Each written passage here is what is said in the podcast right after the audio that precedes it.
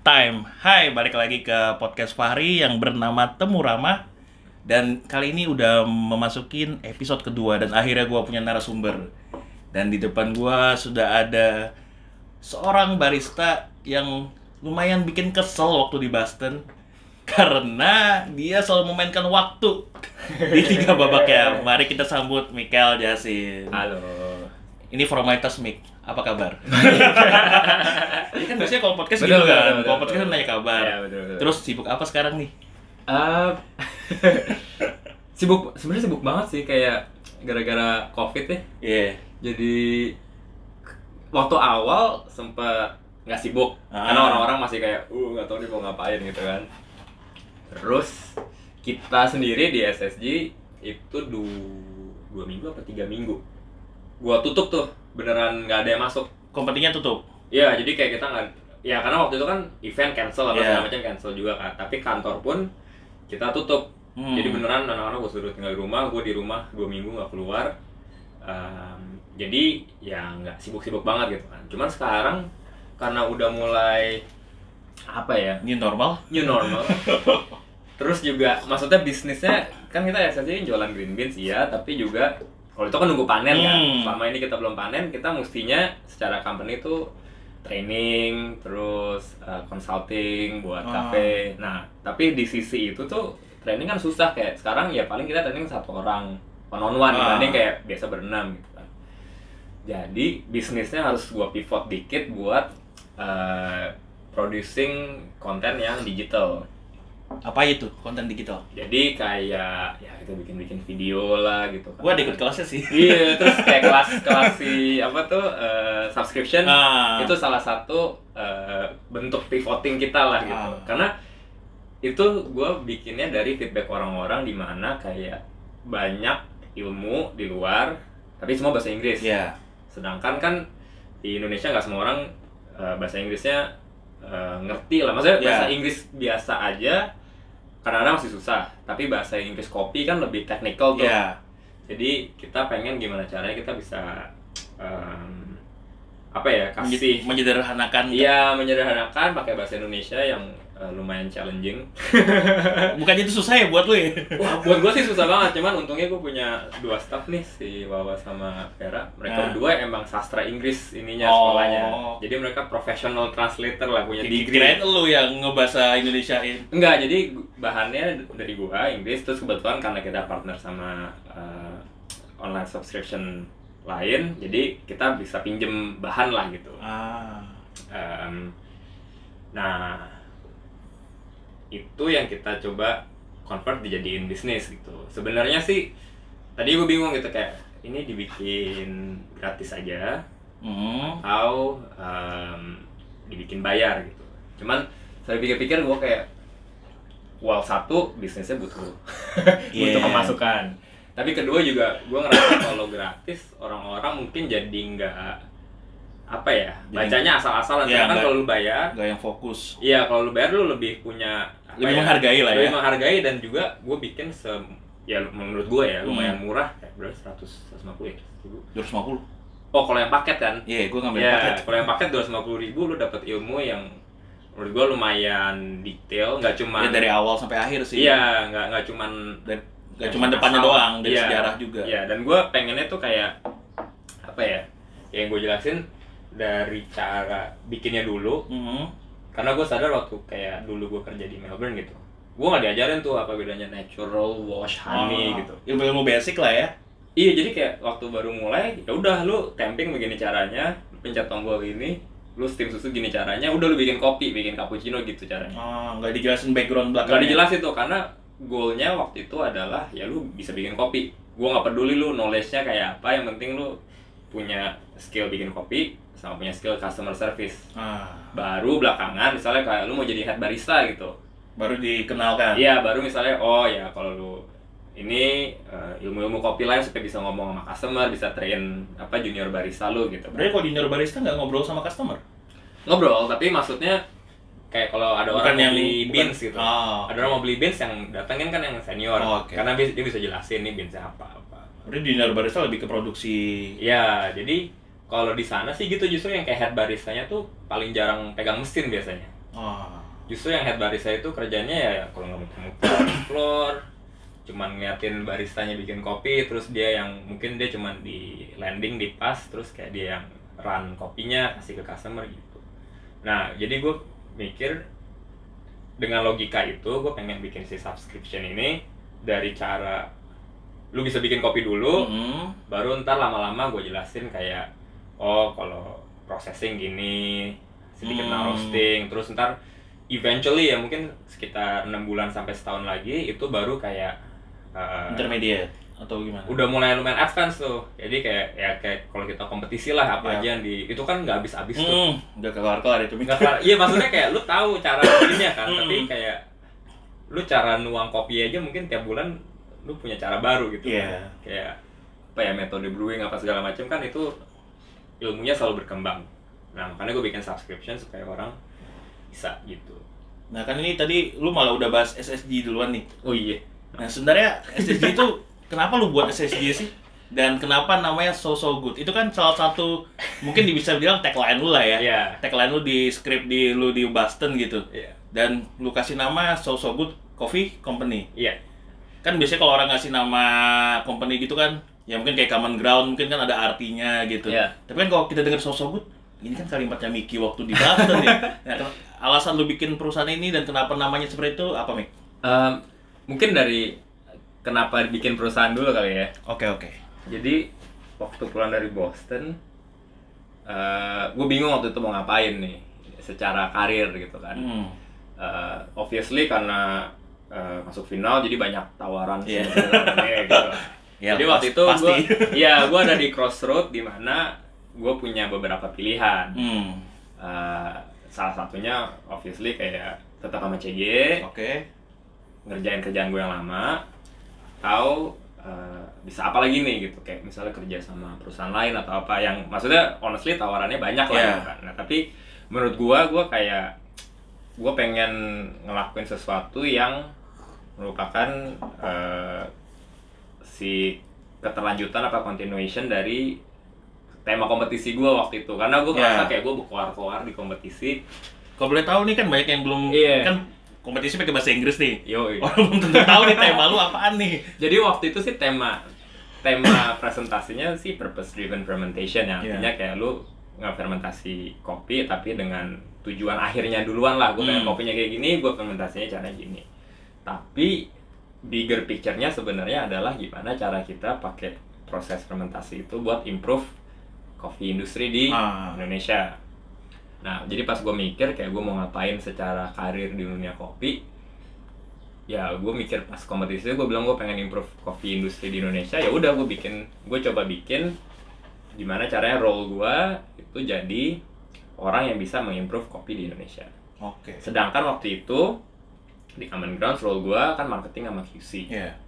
agak terlalu limiting buat Terbatas banget buat melakukan hal itu gitu. Iya gitu ya ya udah QC sama marketing Iya. gitu kan. Sedangkan gue pengen lebih dari itu.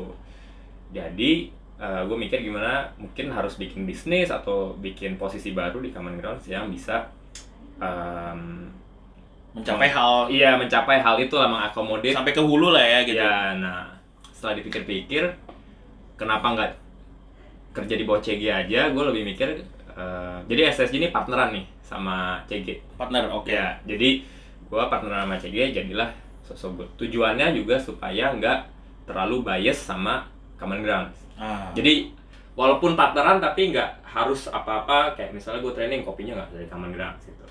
Eh, supaya ada lebih uh, independence-nya lah, nggak nggak nggak nggak terlalu ngikut-ngikutin eh, Gak ngekor terus lah ya. Iya karena kan maksudnya tiap company punya goalnya sendiri-sendiri. Ya. Nah ini supaya nggak terlalu ngikutin goalnya common Dan nggak mengganggu bikin- mereka ya, juga, kan? Jadi kita bikin si Soso Good ini si company ini dengan visinya adalah mengimprove coffee industry di Indonesia. Berarti bisa dibilang kalau umpamanya CG ingin mengimprove suatu kopi nih, Hmm. dia akan melewati sosok good gitu. Hmm. Iya jadi kan tujuan kita mengimprove coffee industry di Indonesia. Ah. Gue ngeliat itu dengan dua cara nih bisa di hulu bisa di hilir. Makanya kita di hilir ya dengan training barista Hmm. dan cafe consultancy. Yang di hulu ya ya karena gue sukanya fermentasi jadi kita nggak mau nggak mau beli farm atau apa tapi kita pengennya proses aja gitu ngeprosesin Oh. kopinya aja dengan uh, innovative fermentation teknik lah yang kayak carbonic maceration ini itu gitu kita ngulik-ngulik fermentasinya Dan aja itu lu kontrol banget. Maksudnya lu kontrol Iya. lu rajin ke sana gitu atau Iya, iya kalau lagi covid ini agak susah cuman Iya, bener. Keluar masuknya susah. jangan tapi ntar gue ceritain di belakang cuman eh, kita pengen involve banget supaya eh, produknya sendiri ini bisa jauh lebih bagus jadi balik ke pertanyaan lu kalau Hmm. CG mau eh, improve kopinya ya ntar eventually bigger picture-nya nih Iya. em, kita jual green beans yang kita proses sendiri ke kafe-kafe salah satunya ya CG. Oh. Hmm. Tapi kalau misalnya mau uh, kafe lain juga nggak apa-apa. Kayak sekarang nih kita kan distribution partnernya IIT tuh. Ah, Si IIT bantuin kita distribusi ke ya roastery mana aja yang mau beli gitu. Jadi nggak harus gak harus CG nggak doang. harus CG doang gitu. Gak eksklusif CG gitu. Nggak eksklusif. Jadi sebenarnya uh, bagusnya kenapa kita bis, apa pisah secara bisnis ya gitu. Jadi nggak apa pun yang Bisa lebih luas lah ya. Benar, karena menurut gua kalau di bawah Common Grounds doang kan ya orang mau beli juga uh, mungkin ada hambatan kayak oh ntar ini kopinya CG doang yang punya Ah, jadi hilang competitive Ya. advantage-nya gitu kan jadi kalau gue jual apa secara secara independen kan lebih uh, jangkauannya lebih luas jangkauannya lebih luas. Iya. Dan kenapa Gitu. oh iya kenapa sosok So, so good. karena gue nggak tahu mau panggil apa lagi terus kebetulan kan itu jadi maksudnya kayak tagline-nya catchy banget gitu Iya. kan jadi pas gue mikir-mikir kayak oh lucu juga nih so so good coffee atau so so good coffee company gitu kan Dan Ah. apa karena nama itu lu yakin company ini akan sebagus itu? mudah-mudahan tapi juga kayak maksudnya bisa dijadiin akronim SSG gitu kan jadi kayak Ah, ah. em, apa ya bisa panjang versi panjangnya tapi pendeknya juga ada Kayak pendeknya asik sih SSG gitu enak Iya. disebut gitu. suka-suka gue coffee company Bisa bisa aja lu. Dan ya mungkin mungkin gak nanti uh, ke depannya gitu mungkin ketika ada kompetisi lagi Hmm. ya. Wah, kita mau nyari kopi kompetisi nih. SSG jual nggak ya? Bisa nggak kayak gitu? ya bisa banget justru itu em, tujuan gue kemarin eh, anak CG ada beberapa yang pengen maksudnya udah mau pakai kopi yang SSG Hmm. proses tapi kebetulan nggak dapet slot aja nggak jadi deh Oh, tapi emang gitu karena gue pengennya adalah em, bukannya cuma pengen keren-kerenan ya karena ya lu juga tau lah kayak kalau bisa pakai kopi di kompetisi kan itu berarti kopinya sendiri udah kualitasnya bagus banget. kualitasnya udah competition standard Iya. gitu kan. dan itu menurut gua adalah pengakuan dari orang independen secara Hmm. kompetitor kan independen kan bahwa kopi ini beneran enak karena kopinya enak bukan kayak kalau gue proses sendiri gue yang pakai kan ya ada Iya. biasnya gitu kan karena ya ya gue jualan produk Iya. sendiri lah gitu tapi kalau sampai ada orang lain misalnya ada orang dari Banjarmasin mau beli kopinya SSG buat kompetisi gitu Berarti udah bisa dikatakan berarti oh ya gue udah sebanding sama eh, misalnya ona lah ya gitu. Iya atau kayak kalau level regional deh gitu kayak Ah. sebanding ya nggak sebanding sih cuma mungkin bisa compete lah sama Pak Ayi gitu kan, yang, oh, ya, memang terkenal iya, dengan kopi gitu. kompetisinya ya. Itu kan udah pengakuan orang Iya. gitu kan. Ya goal gue sih sebenarnya itu aja dan itu akan mudah-mudahan membantu petani-petani yang kita eh, kerja bareng di Origin. Tapi untuk sekarang SSG itu lebih banyak di hulu apa hilir nih? Eh, sekarang sih gue bilang lumayan 50-50 nih karena kemarin-kemarin karena belum eh, panen banyakkan di hilir Hmm. ini sekarang karena udah mau panen nih kita hampir tiap hari ngomong sama eh, prosesor-prosesor kita di daerah Hmm. Yang challenge-nya adalah sekarang kita kerjanya tiap hari antara bikin video tutorial gimana cara sebenarnya mereka tahu caranya cuman kayak spek guanya mau kayak gimana lah gitu Ah. jadi kayak kita tulis fermentation guideline kayak word by word lu harus diinin dulu habis itu soalnya kayak anaerobik masukin plastik dulu Nah itu habis itu gimana menjelaskan ke mereka? Maksudnya kan ya bukannya gimana ya? Kan kalau kita pakai bahasa yang susah nih, iya jelaskan ke petani gitu kan ribet gitu atau ke prosesor gitu. Tuh gimana tuh lu jelasin? itu capek sih jadi beneran musik kayak ya per kata-kata gitu kayak beneran lu bikin apa ya kayak resep masak gitu loh tapi mereka tapi mereka paham. ya untungnya sih kan kita partner kita sekarang ada em, Wana udah pasti Iya. tapi dia mah lebih banyakan dia ilmunya kan terus eh, Karana Global di Bali Oke, karena mereka juga udah sering bikin cuman kalau itu gue tinggal kayak kasih guide Em, gini gini gini mereka udah udah Hmm. lumayan bisa lah tuang kopi di Taruh aja. Eh, di Flores eh Flores, Flores. Em, itu mereka juga udah oke karena tahun lalu udah yang baru nih ada namanya Brajava di Merbabu Baru denger gue tuh. Woi, wah ini eksklusif Baru denger Brajava. Brajava. Jadi waktu itu gua ketemu di acara cupping Ketinggian berapa tuh, Mik? di Ice Base 1400. Sudah kota. Gunung Merbabu di Jawa Gunung Tengah. Merbabu. Jawa Tengah hampir timur. Eh, Varietasnya?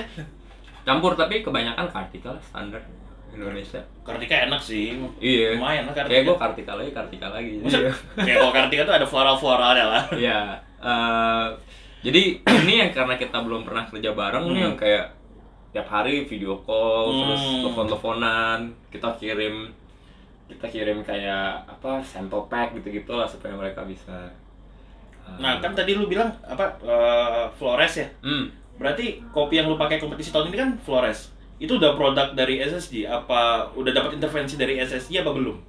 nah kemarin karena kita kenalannya itu udah hampir basically udah hampir jadi gitu kan Ah. jadi ya bisa dibilang sedikit intervensi tapi belum Yang jauh banget. Jo- yang Bali justru itu lebih intervensi dari awal Oh. Eh, karena agak beda dikit kan ininya apa em, panen schedule-nya schedule punya harvestnya kan dia agak beda nggak tahu kenapa Bali kemarin belakangan jadi gue lebih bisa beneran dari petik cherry gue udah bisa Dan- ngasih Wow. tahu nih gue mau Oh. ngapain gitu kalau yang Flores tuh udah agak di belakang Nah, terus kan kayak Bali karena global kan nama besar tuh ya. hmm. Terus wahana gitu. Nah, kayak lu mau memberikan intervensi gitu kan Ih, lu siapa lu? Iya gitu.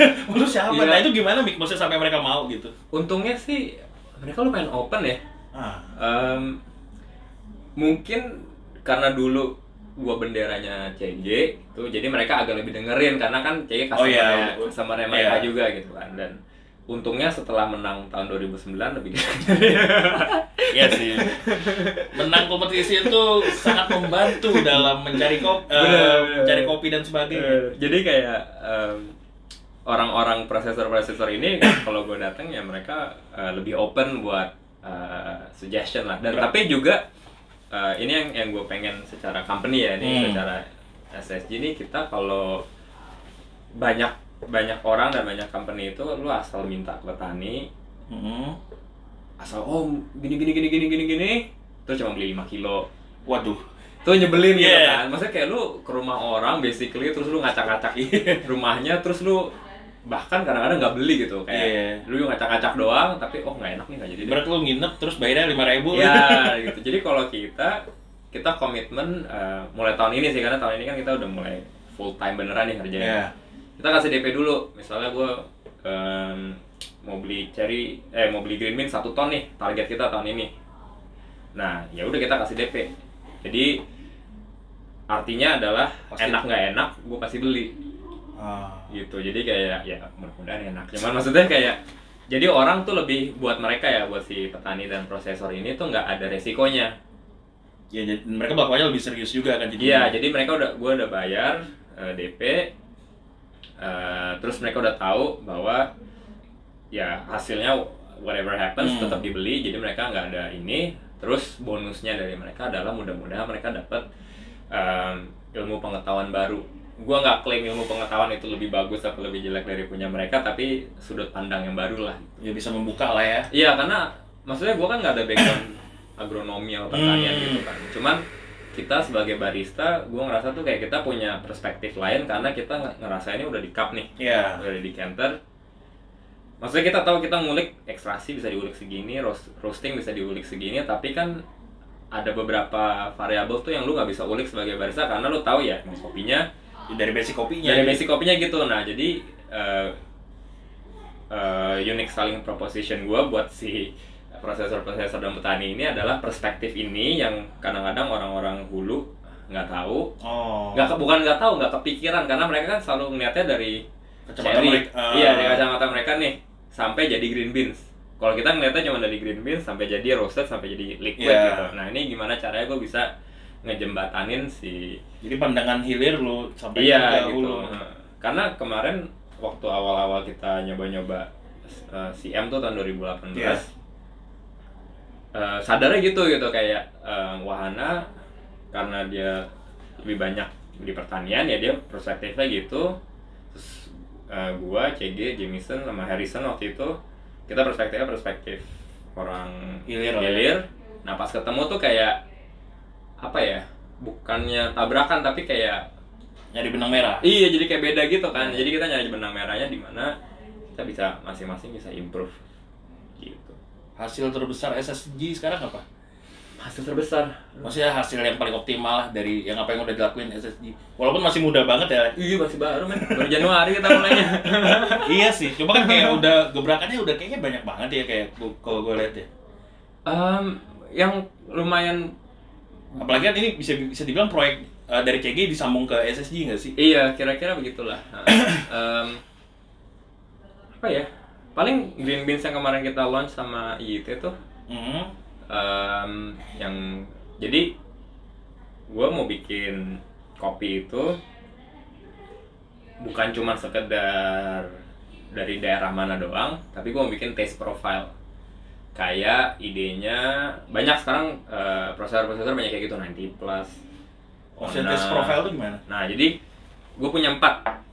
Gue panggilnya catur collection gitu kan. Si collection ini Wah. punya empat taste profile. Ada Kamala, Pucuk, Senja, Bumi. Nah, mau kopi apa pun yang kita proses dari daerah mana pun Heeh. di Indonesia, kita proses dari empat taste profile ini. Oh, Oke. Jadi eh, kalau Kamala tuh typically dia biasanya lumayan funky, ferm, apa kayak fermenty. Biasanya sih prosesnya anaerobic plus natural drying Oke. nggak selalu begitu tapi kita em, pengen dapat rasa kan kalau anaerobic natural rasanya gitu-gitu. Iya. dalam tanda kutip doang gitu-gitu doang kan.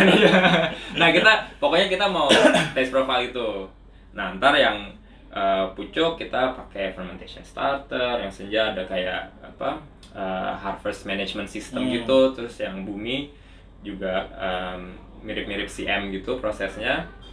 Nah kita mau apa pun yang kita lakuin dari empat taste profile ini. Jadi begitu jual kalau orang beli nih customer kita beli oh gue mau beli yang Kamala karena dia udah tahu rasanya kayak gitu Tapi itu nggak ini Nah. uh, nggak menghilangkan karakter asli dari si kopi. nah itu tadi gue baru mau bilang jadi kan orang biasanya argumennya gitu kan kayak oh ini karakter asli kopinya beda Ah. apa jadi kebuang gitu Karena kan di mindset kita kan, oh Jawa Barat tuh kayak gini, Hmm. Sumatera tuh begini, Papua tuh begini. jadi jus apa ya ini menurut gue salah satu jalan tengah antara lu memperbaiki eh, si proses kopinya Mhm. sama tetap eh, nonjolin karakteristik masing-masing. Jadi walaupun misalnya sama-sama Kamala, tapi Kamala yang Flores sama yang Bali rasanya juga lumayan beda. Ah. Gak tau lu udah nyobain yang Bali apa belum? Kemarin gue beli itu dari Brewphobia. Karena mereka yang beli dua-duanya kayak kemarin CG kan yang dikeluarin cuman Kamala gitu. Ah. Eh, cuman yang Flores. Terus kemarin eh, Brewphobia yang sebelum mereka beli itu gue nggak tahu sebenarnya mereka siapa. Tapi enak banget jadi kayak mereka roast side by side. Terus Brufobia, brufobia. Bukannya Pak Mirza Lukman ya? Iya sih katanya gitu. gue tau, gue tau Pak Mirza ya, cuman gue nggak tahu kayak, maksudnya gue nggak pernah minum kopinya Iya. dari Brewphobia gitu kan. Jadi eh, kan selama ini gue nyobainnya antara di cupping table Mhm. atau roastingan roastingan CG dalam em, dalam rangka nyobain untuk kompetisi gitu. Maksudnya nggak pernah Ah. nyobain udah jadi secara produksi buat orang-orang lain nyobain. nah jadi em, tetap ada bedanya gitu kayak si em, Kamala yang Flores rasanya ya lumayan mirip Flores tapi dengan funky fruity. Oh berarti tetap ada satu karakter yang kuat gitu Iya, lah ya? jadi jadi karakternya selalu kalau yang Kamala ya eh, fruity, big body, terus juga lumayan boozy karena dia anaerobik. Ah. Tapi fruitinya beda-beda gitu kayak tropical fruitsnya rasanya beda-beda antara yang si uh, Flores sama Bali gitu misalnya. Oh berarti yang kayak lu bilang tropical fruit gitu berarti tergantung daerahnya lagi ya, balik ya? Jadi karena it- kita coba bikinnya empat proses aja dengan step by step yang lumayan um, strict itu supaya gue bisa replikat eh, bisa replicate proses ini di mana pun gue pergi. Oh. Jadi tujuannya supaya nggak cuman kayak orang-orang tuh nggak asal doang tapi ada sistemnya lah gitu. karena kan kita mau scale up nih kalau lu kompetisi kan lu cuma bikin 20 kilo gitu Iya. kita mau bikinnya kan kayak ber hopefully berkontainer-kontainer gitu kan jadi gua harus cari cara yang lumayan bisa mass produce tapi tetap menawarkan uh, unik karakteristik dari kopi-kopi itu Berarti bisa dibilang kayak nanti competition eh, kopi-kopi yang sejenis competition series gitu, Hmm. itu gampang didapat lah ya. mestinya sih Em, dan harganya pun gua sih pengen ya mudah-mudahan itu eh, masih kayak kemarin kita jual Kamal itu di IT 190 90-an kayaknya deh. Hmm. Em, dan menurut gue itu fair banget harga segitu Iya. rasa kayak gitu pakai buat menang IPC maksudnya kan kayak ya kan maksudnya kayak Paham, paham. iya kan kayak ya tahun sebelumnya gue pakai kopi yang Deborah yang harganya berapa gitu Iya. kan nah ini dengan kopi bahkan Semyon Naba yang kemarin gue pakai pun harganya juga sebenarnya 20 20-an berapa dolar lah itu menurut gue sih pribadi itu kayak future uh, masa depan dari specialty coffee industry yang apalagi Iya. kayak di market kayak Indonesia yang marketnya gede banget lo nggak bisa jual yang gak cuman dikit-dikit harganya mahal karena kita kan nggak tinggal di Swiss gitu kan Iya. ya kan coffee shopnya bukan mame kan itu maksudnya beda banget Iya. marketnya mereka beli kopinya bisa yang nano lot harganya bisa Iya. satu cup berapa puluh dolar kalau kita ya mau nggak mau tuh tetap harus jual empat puluh ribu gitu kan per cup Susah. iya jadi kayak gimana caranya kita bisa produce kopi yang standarnya tinggi tapi dengan cara Iya. yang bisa di scale up gitu Siap. Em, gitu sih panjang jadi jawaban Iya. Jadi panjang dari SSG sampai panjang banget ya. Iya jadi sebenarnya gue lebih sekarang sih kita eh, hampir kebanyakan ngerjain itu. Hmm. Honestly sih kalau secara secara revenue ya gampang nyari duit di hilir. Iya. Kayak lu training atau consultation gitu kan eh, marginnya tuh biasanya lebih dibanding effortnya ya. Iya. dibanding effortnya itu lebih eh, lebih valuable dibanding lu jualan green beans jualan green beans Ah. kalau orang-orang yang dengerin orang-orang kopi tau lah jualan beans tuh margin lu nggak ada men Iya benar. kayak lu harus jualan tuh kayak puluhan ratusan ton baru baru kerasa baru gitu. kerasa kalau cuma jual kayak 100 200 Sebenarnya kalau lu nanti di sini bakal ada green bean green bean kayak gitu. kayak nah gitu. jadi kita kan prosesor doang nih hitungannya Ah. Eh, tadinya gue sempat mikir kayak oh apa kita distribusi sendiri apa enggak cuman karena kita bisnisnya secara bisnis model kita mau ada hulu dan hilir Hmm. kalau kita harus ngurusin distribusi juga kayaknya kita kewalahan lah Iya. Bisa jadi sekarang kita partner up sama IIT Oh, Oke. Ka- dan karena kebetulan eh, misinya lagi sama nih kan mereka selama ini importir Hmm. mereka sekarang pengen jadi eh, Eksportir. eksportir dan juga eh, distribusi untuk local beans lah gitu Oh. Uh, Bagus dong. tahu ya boleh ngomongin apa enggak publicly tapi mereka pengen 50-50 jadi mereka pengen dari total distribution mereka 50 itu import 50 itu lokal ya boleh uh, konsumsi lokal juga Hmm. atau uh, ekspor gitu Ya lebih enak kalau maksudnya dalam artian ya kopi kita yang enak-enak tuh lebih exactly Bisa ya dirasakan jadi orang, kan? ya dan gue juga gue pribadi ya maksudnya gue kenal lah komentar-komentar lain di luar negeri tapi kan mereka paling ngambil berapa sih gitu kalau Yeah. kayak IT gitu kan mereka reach-nya lebih gede Iya. bisa ekspor lebih udah udah punya license-nya udah apa jadi lebih cepet lah gitu Paham.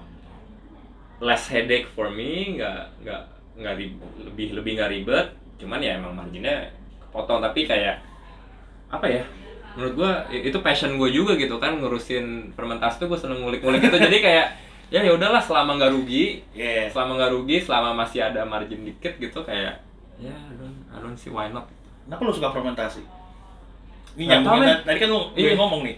kayak jadi jujur ya, ntar, uh, gua aja waktu lu jelasin kita di kelas Caswell nih, Hmm. yang kelas hadiah itu ya, lu jelasin carbonic maceration tuh, set, ini apaan gua bilang ya, gua natural full aja gua masih pusing gitu Iya. kan, ini Miki apaan gitu, nah, kenapa sih lu suka fermentasi gitu?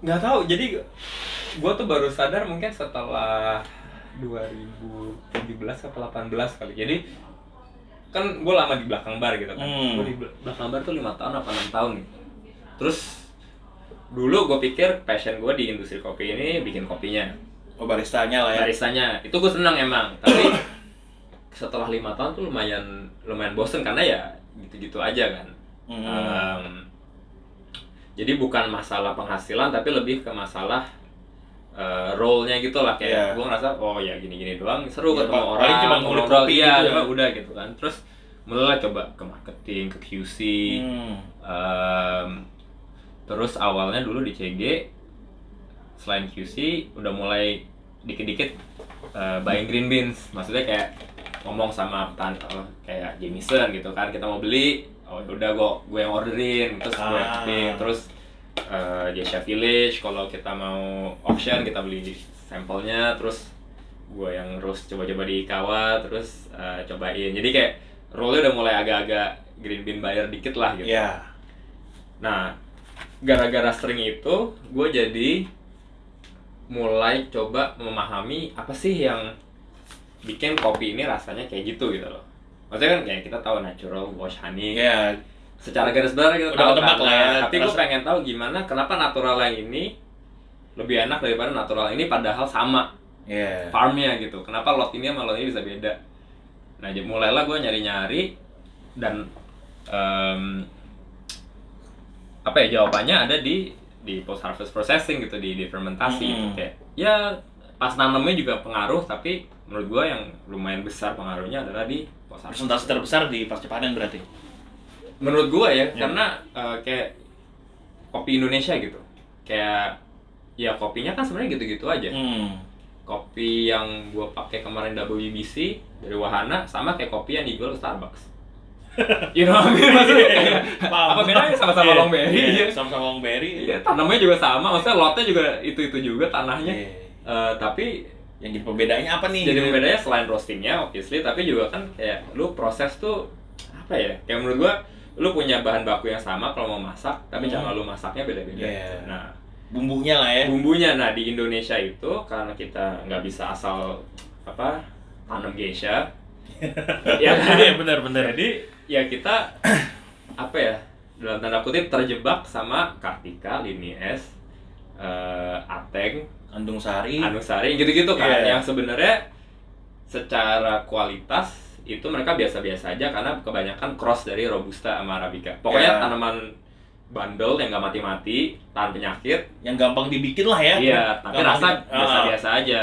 Jadi menurut gua jawabannya adalah em, ngapain lu coba tanam geisha yang mungkin 10-20 tahun lagi baru berasa Ya baru jadi baru perfectnya. jadi. ya boleh sebenarnya kalau Ah. mau tanam sekarang tapi kan itu 20 tahun lagi Iya. tapi jawaban lu buat dari hari ini sampai 20 tahun lagi itu apa menurut gua ya udah kita deal with what we have si varietas-varietas kartika anjing sari segala macam ini. Tapi gimana cara kita improve-nya? Ya dengan proses pasca panen itu.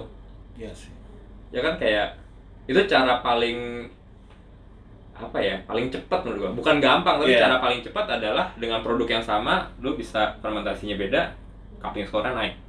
Apalagi lu bisa main flavor lah ya ibaratnya sih. exactly iya. Habis itu ya roasting sama extraction-nya pinter-pinter dulu aja gitu Sebenarnya kayak eh, gua ketika tahun lalu kan sempat ke Malaysia Coffee Event tuh. hmm Gua nyobain kopinya yang juara brewers mereka itu si Regina. legend ya Eh, kan dia pakai 90 plus lot berapa gua lupa gitu. Terus gua cobain kopi yang Frinsa Extended Natural. Kok karakternya Sama. mirip. Kok karakter cuma ya mungkin bedanya belak karena karena dia geisha jadi belakangnya belakangnya clean dan sebagainya gitu Iya. kan. tapi emang iya sih karena menurut gue ya kalau lu kan orang-orang nih kayak Scott Rao gitu kan. Iya. Atau uh, Jameson mereka tuh nggak mau proses natural apalagi yang ke anaerobic extended Hmm. natural karena mereka nggak mau ngilangin karakteristik Si dari kopi dan terroir mereka Ah, oke. ya tapi lu mesti ingat kopi dan terroir mereka apa gitu kan Iya, Di Buket gitu Iya. kan kalau lu di gunung mana di West Java kan Susah. lu udah lu udah punya disadvantage gitu maksudnya kayak lu mulainya aja mereka udah geisha di Buket 1800 Terus kita 1900 1400. lu 1200 1300 dengan tanaman yang hasil cross antara Typica sama Robusta. Ya.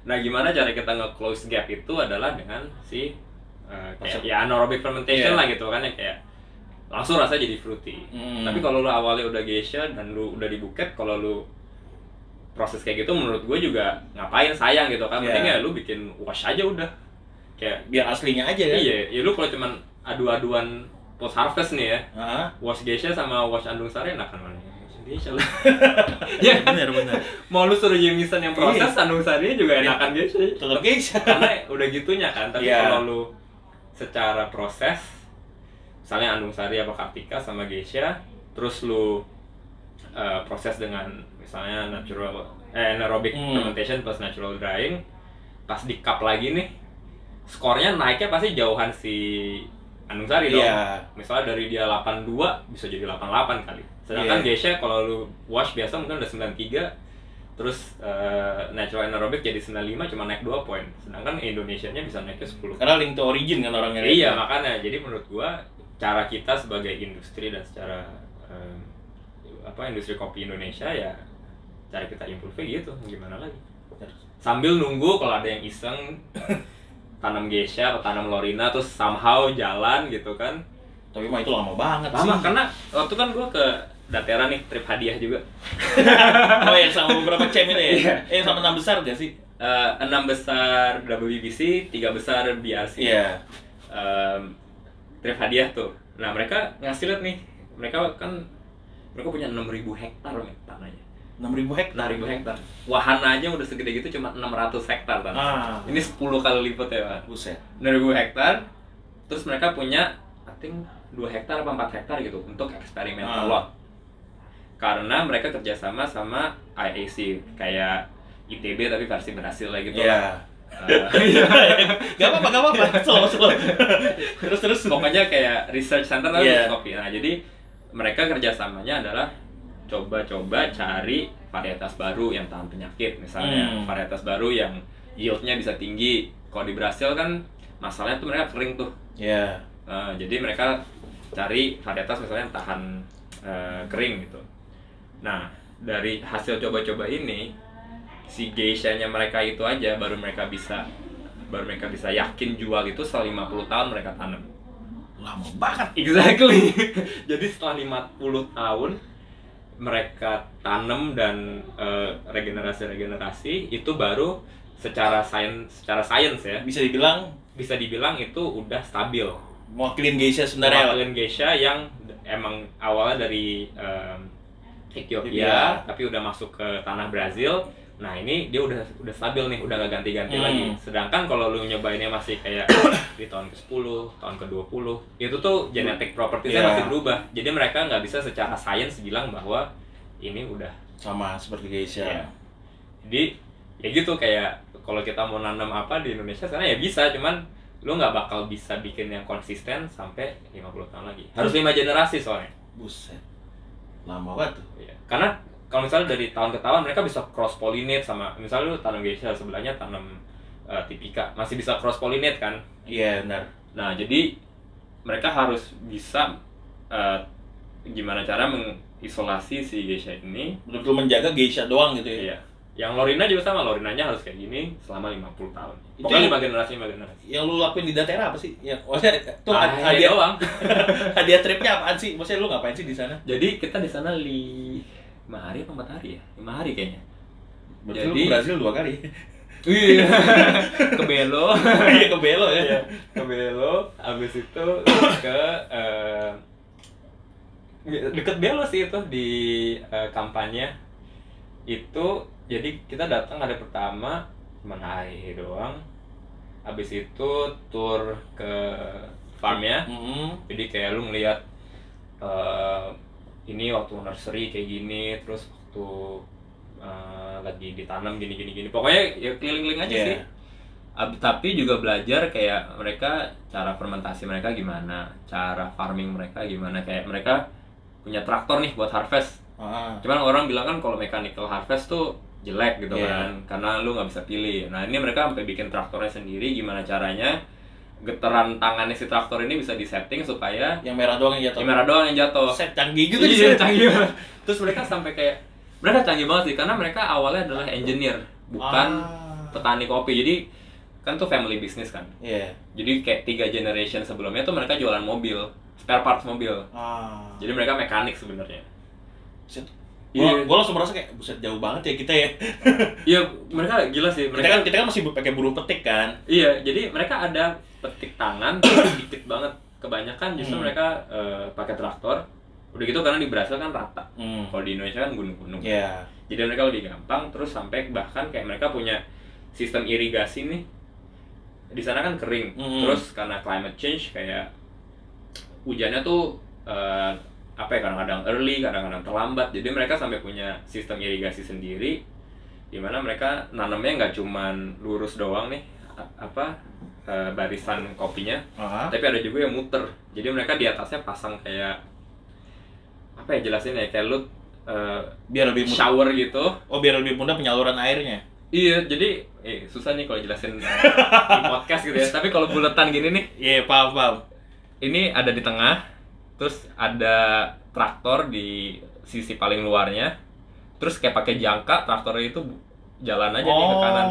Nah, itu Dia muter sambil sambil ngairin. ngairin itu. Iya, jadi kalau mereka nggak ada hujan ya udah, nggak sedih. Jadi mereka pakai air itu, pakai truk air, muter, Berarti semuanya kena. panas mereka konsisten.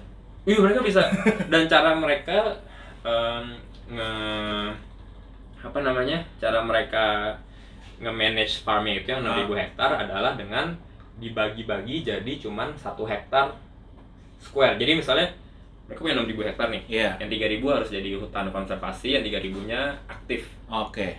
nah di 3000 ini dibagi menjadi 3000 small farms Oh. jadi kayak satu hektar, satu hektar, satu hektar, satu hektar pakai QR code lah, pakai segala macam management system supaya mereka bukannya supervisi farm segede 3000 hektar, tapi mereka supervisi farm yang cuma satu hektar doang. Enak banget ya berarti kontrolnya. Iya, tapi ada 3000 farmnya gitu. Iya, lumayan sih. Jadi mereka harus bisa nemuin sistem gimana caranya supaya 3000 3000 nya ini jalan. Tapi jauh lebih gampang dibanding lu ngeran satu farm tapi gedenya 3000 hektar. Berarti selama lu di, di Datera itu ngaruh ke Baru banget, jadi gue lumayan belajar banyak Ngebuka untuk banget ya? ke SSG ini. Dan ini mereka kayak nggak ada rahasia-rahasiaan gitu, kayak Ah, eh, dibawa ke tempat fermentasinya, dikasih lihat, terus eh, tempat packaging.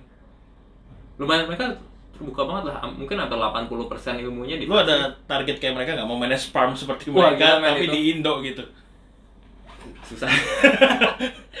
itu ntar bahan aja kan apa sulotko aja tuarko tuarko yang kerja kayak gitu susah sih Em, cuman lumayan belajar banyak Hmm. Kayaknya terlalu banyak Itu kita yang- bahas kebun. Iya, ntar orang bosen ya. Tadi lu mau ngomong apa? Apa ya? Lupa gua. Kayaknya kita lebih asik kalau ngomong kompetisi nih, Mik. Boleh, boleh, boleh. Nah ini gue mau nanyain yang gue tanya-tanya nih, nih. Apa? WCE ada gak sih? WCE? Waduh. Se sejauh ini sih, sejauh ini sih katanya masih ada. Masih diperjuangkan? Masih Masih di, diperjuangkan, cuman masih di Melbourne? se- officially iya. Gosip-gosip mah ada aja gosip-gosip cuman gua nggak ngerti deh. Karena nggak tahu ya, karena kalau secara negara Australia itu nggak ngasih international visitor masuk sampai bulan Oktober. Ah, Jadi mereka close border sampai Oktober. Tapi itu untuk safe country. oke. Lo tau sendiri Indonesia nggak mungkin safe country Iya, kan? Indonesia nggak- nggak mungkin safe soalnya. Nah, yang other countries itu baru dibukanya itu paling cepat Desember. Buset. Jadi kalau WC datang pun gue belum tentu bisa kompetisi gitu kan.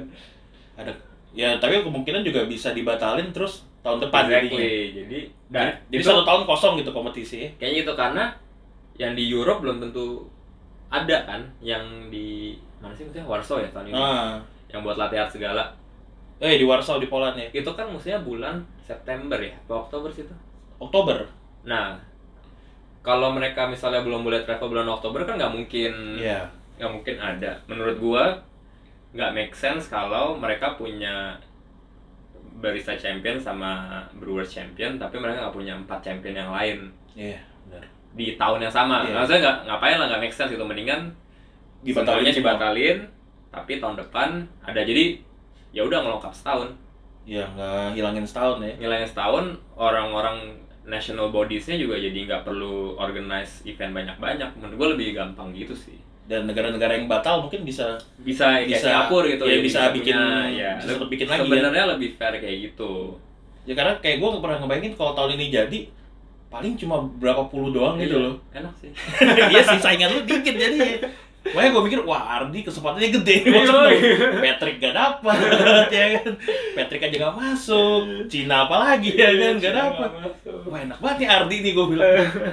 Cuman ya maksudnya ya se- sebagai kompetitor lu juga nggak mau apa ya? Lu nggak mau lu kompetisi di tahun yang dalam tanda kutip gampang. Iya. Karena begitu lu misalnya masuk peringkat, masuk final gitu. Ntar orang-orang kayak hater-hater gitu bilang, "Oh, lu masuk final soalnya nggak ada saingan." Wah lu masuk final mah, lu doang yang jago. iya, itu dia jadi kayak mendingan full competitors 50-50-nya ada. Berapa sih biasanya? 50 apa 60 sih? Barisa kemarin 53 ya, apa 55. Berubah sekarang berapa bosnya? Harusnya 40, cuma kan satu meninggal ditembak kan. Iya, itu sih. Yang Filipina tuh jadi 39 doang. Iya, Ba- Barisa kemarin 53 deh kalau nggak salah. 53. Tapi lu udah sebenarnya udah mempersiapkan konsep gak sih buat di World? Udah sih. Cuman kemarin kan Saya kan terakhir lu ngomong ke gua, gua nggak tahu nih mau ngomong apa lagi. iya sih nggak tahu. gua nggak tahu nih mau ngomong apa lagi fermentasi. Udah. iya, tapi ya sebenarnya kalau kemarin jadi bulan Mei ya, Hmm. eh, harus nyambung dari yang national punya, yang GST Iya. itu kemarin. Em, cuman sekarang ya udah pasti kopinya ganti. Iya. Em, topiknya juga mungkin udah berubah. Belum Si tahu. Elida aja si Wilford jualan kopinya. jual dijual kopinya. Gua dalam hati gua ini berapa puluh juta ya? dijual kopinya. Eh tadi belum kejawab nih. Apa? baru ingat fermentasi. Kenapa lu suka fermentasi? Ya itu gara-gara gara-gara menurut gua fermentasi itu adalah kunci dari Perubahan itu ya. perubahan itu. Dan setelah gua ngulik-ngulik di berbagai macam area nih di kopi, gua ngerasa gua paling bisa ngasih impact Hmm. ke industri dengan proses fermentasi gua.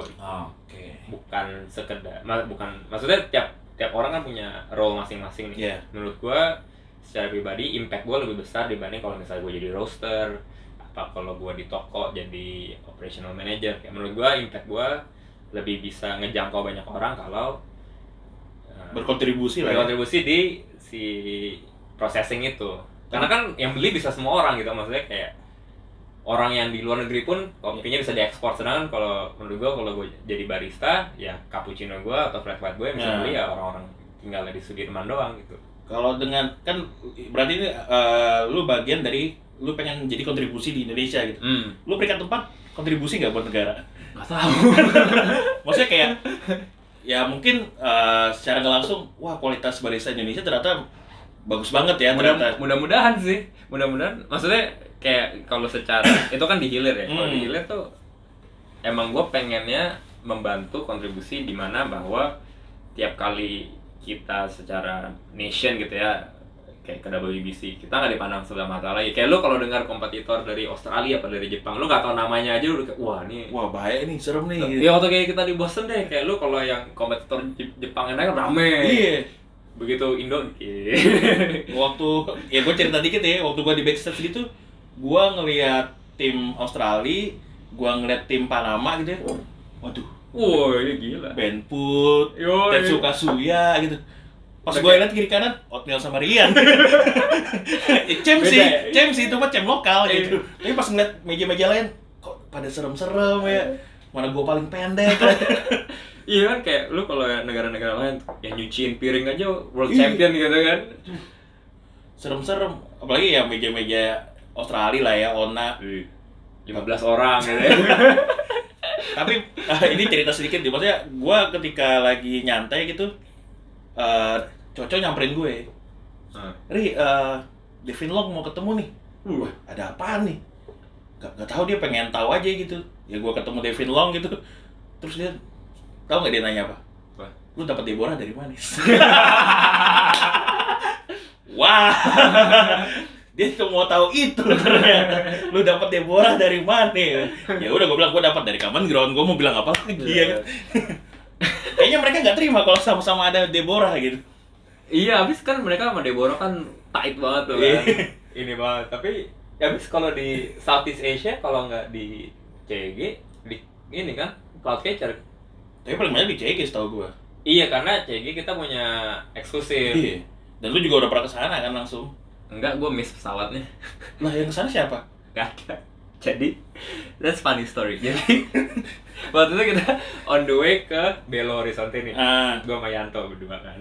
kita eh, jadi waktu itu Robi, Yesi, sama Hiro terbang Ah. langsung ke Bel Brazil. ke Brazil. mereka Sao Paulo dulu baru ke Belo kan nggak Ah. ada yang langsung tuh Iya. karena mereka kompetitor kan terbang dulu mereka Harus istirahat lah ya. Ya, nggak boleh sakit kan jadi gua sama Yanto terbangnya berapa hari setelahnya kalau nggak salah apa berapa hari sebelumnya Lu ke Amerika dulu gak sih? ke Amerika dulu Ah.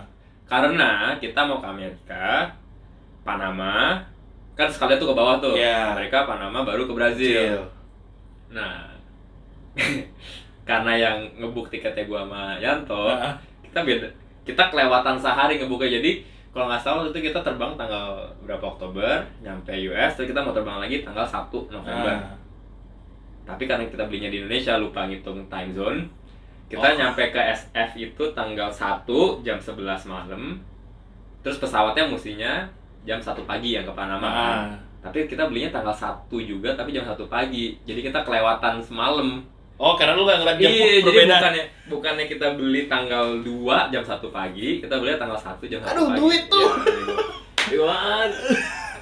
Set. Lumayan. sedangkan kita di eh, Panama mesti dua hari atau tiga hari gitu jadilah gue cuman sama Yanto berdua di SF Hai aja nonton NBA seneng sih makasih toh gua kira gua kira lu terus langsung ke Brazil Nah, setelah itu. iya karena kita nyari nyari tiket nih Ah. habis udah beneran nggak ada karena kan nggak nggak nggak banyak Lalu tiga anak tuh gimana tuh?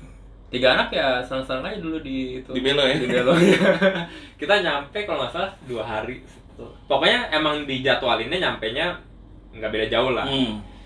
terus pulangnya juga kita mestinya ke eh, La Palma Hmm. tapi nggak boleh terbang karena ternyata kalau lu dari La Palma Brasil Kolombia kan ya? iya kalau lu keluar dari Brasil terus ke negara Sentral Amerika ternyata lu harus punya eh, yellow fever shot Apaan tuh? kayak buat eh, Bisa gitu. bukan jadi vaksinasi buat flu ini yellow fever apa ya kayak semacam malaria gitulah Ribet dong. iya tapi kita nggak tahu karena Ah. nggak dikasih tahu pas booking Jadi lu udah beli tiket ke Kolombia? udah beli tiket Kolombia Gak jadi. nggak jadi lagi tapi untungnya kita bisa karena beli tiketnya yang fleksibel kan Ah. nambah 100 dolar apa berapa ya akhirnya kita balik lagi ke SF 4 hari lagi itu bertiga sama Yoshi Ya udah hahe doang. lu. Ahe doang jadi Astaga. yang mestinya origin trip jadi liburan Ya, lumayan lah nyuri waktu lah ya. ya eh, jadi gue belum pernah Nggak, soalnya orang- orang-orang kira wah dia udah ke Deborah nih. cuman mungkin karena relationship yang kita dapat waktu eh, Jameson ke Wahana Hmm. jadi waktu itu eh, gara-gara sebenarnya itu yang, yang undang pertama Harrison deh kayaknya Hmm. Harrison Yanto sama Wahana pengen bikin something gitu Hmm. nah terus mereka kontak em, Jameson mau terbangin mereka terus gue baru dikasih tahu kayak empat hari sebelumnya oh ya Jameson mau datang lu yang pergi ya gitu Oh, oke. Nah tapi gara-gara itu eh, jadi lumayan deket kan. Ah. terus kayak emang karena CG kita kompetisinya selalu pakai Deborah sama Morgan jadi ya dia lumayan kalau ke kita dia bisa ngasih yang kayak eksklusif kopi Iya. gitu lah Nah, jadi kadang-kadang kita dapat kopi yang orang lain nggak bisa dapat juga. Sebenarnya sama sih kayak Pantes Devin ngomong. Tapi karena yang kita dapat sama yang Ona dapat juga beda. Ah. jadi kita nggak boleh beli yang punya Ona Oh. Nah, karena Ona udah lebih Iya. eksklusif lagi kontraknya gitu kan Cuma mungkin karena jiwa kompetitifnya mereka, mereka pengen tahu Iya, jadinya ya. iya. jadi eh, ya gitu kan Yoshi juga berapa kali tuh dia kompet pakai Morgan di Indonesia dua kali Iya. di Korea kayaknya dia pakai Morgan. Morgan Wash Yang ada lokalnya juga kan ya? iya dia pakai Gayo, gayo, gayo. Besha kan Ah. iya pakai Gayo tuh Nah, ini gue pengen nanya, Mik. Dulu kan, setahu gue nih, Hmm. Yosi ini kalau berangkat ke WBC ini banyak banget di peralatan nih. nah, lu pas berangkat ke WBC ini, lu kagak bawa grinder, peralatan minim bahkan eh, lu sempet di George Howell ya, Hah? lu nyamperin gua, lu bawa komandante lu nggak?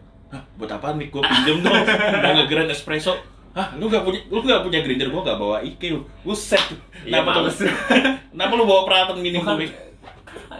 Karena waktu itu gue pengen timnya kecil aja gitu kan Hmm, jadi em, waktu itu cuman gua Regi Yoshi Kok Yanto kan balik ya? ya Yanto em, mertuanya meninggal Ah.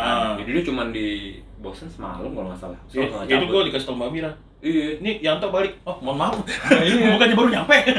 jadi gua itu travel dengan 120 kilo 120 kilo. yang adalah berarti cuma 4 koper.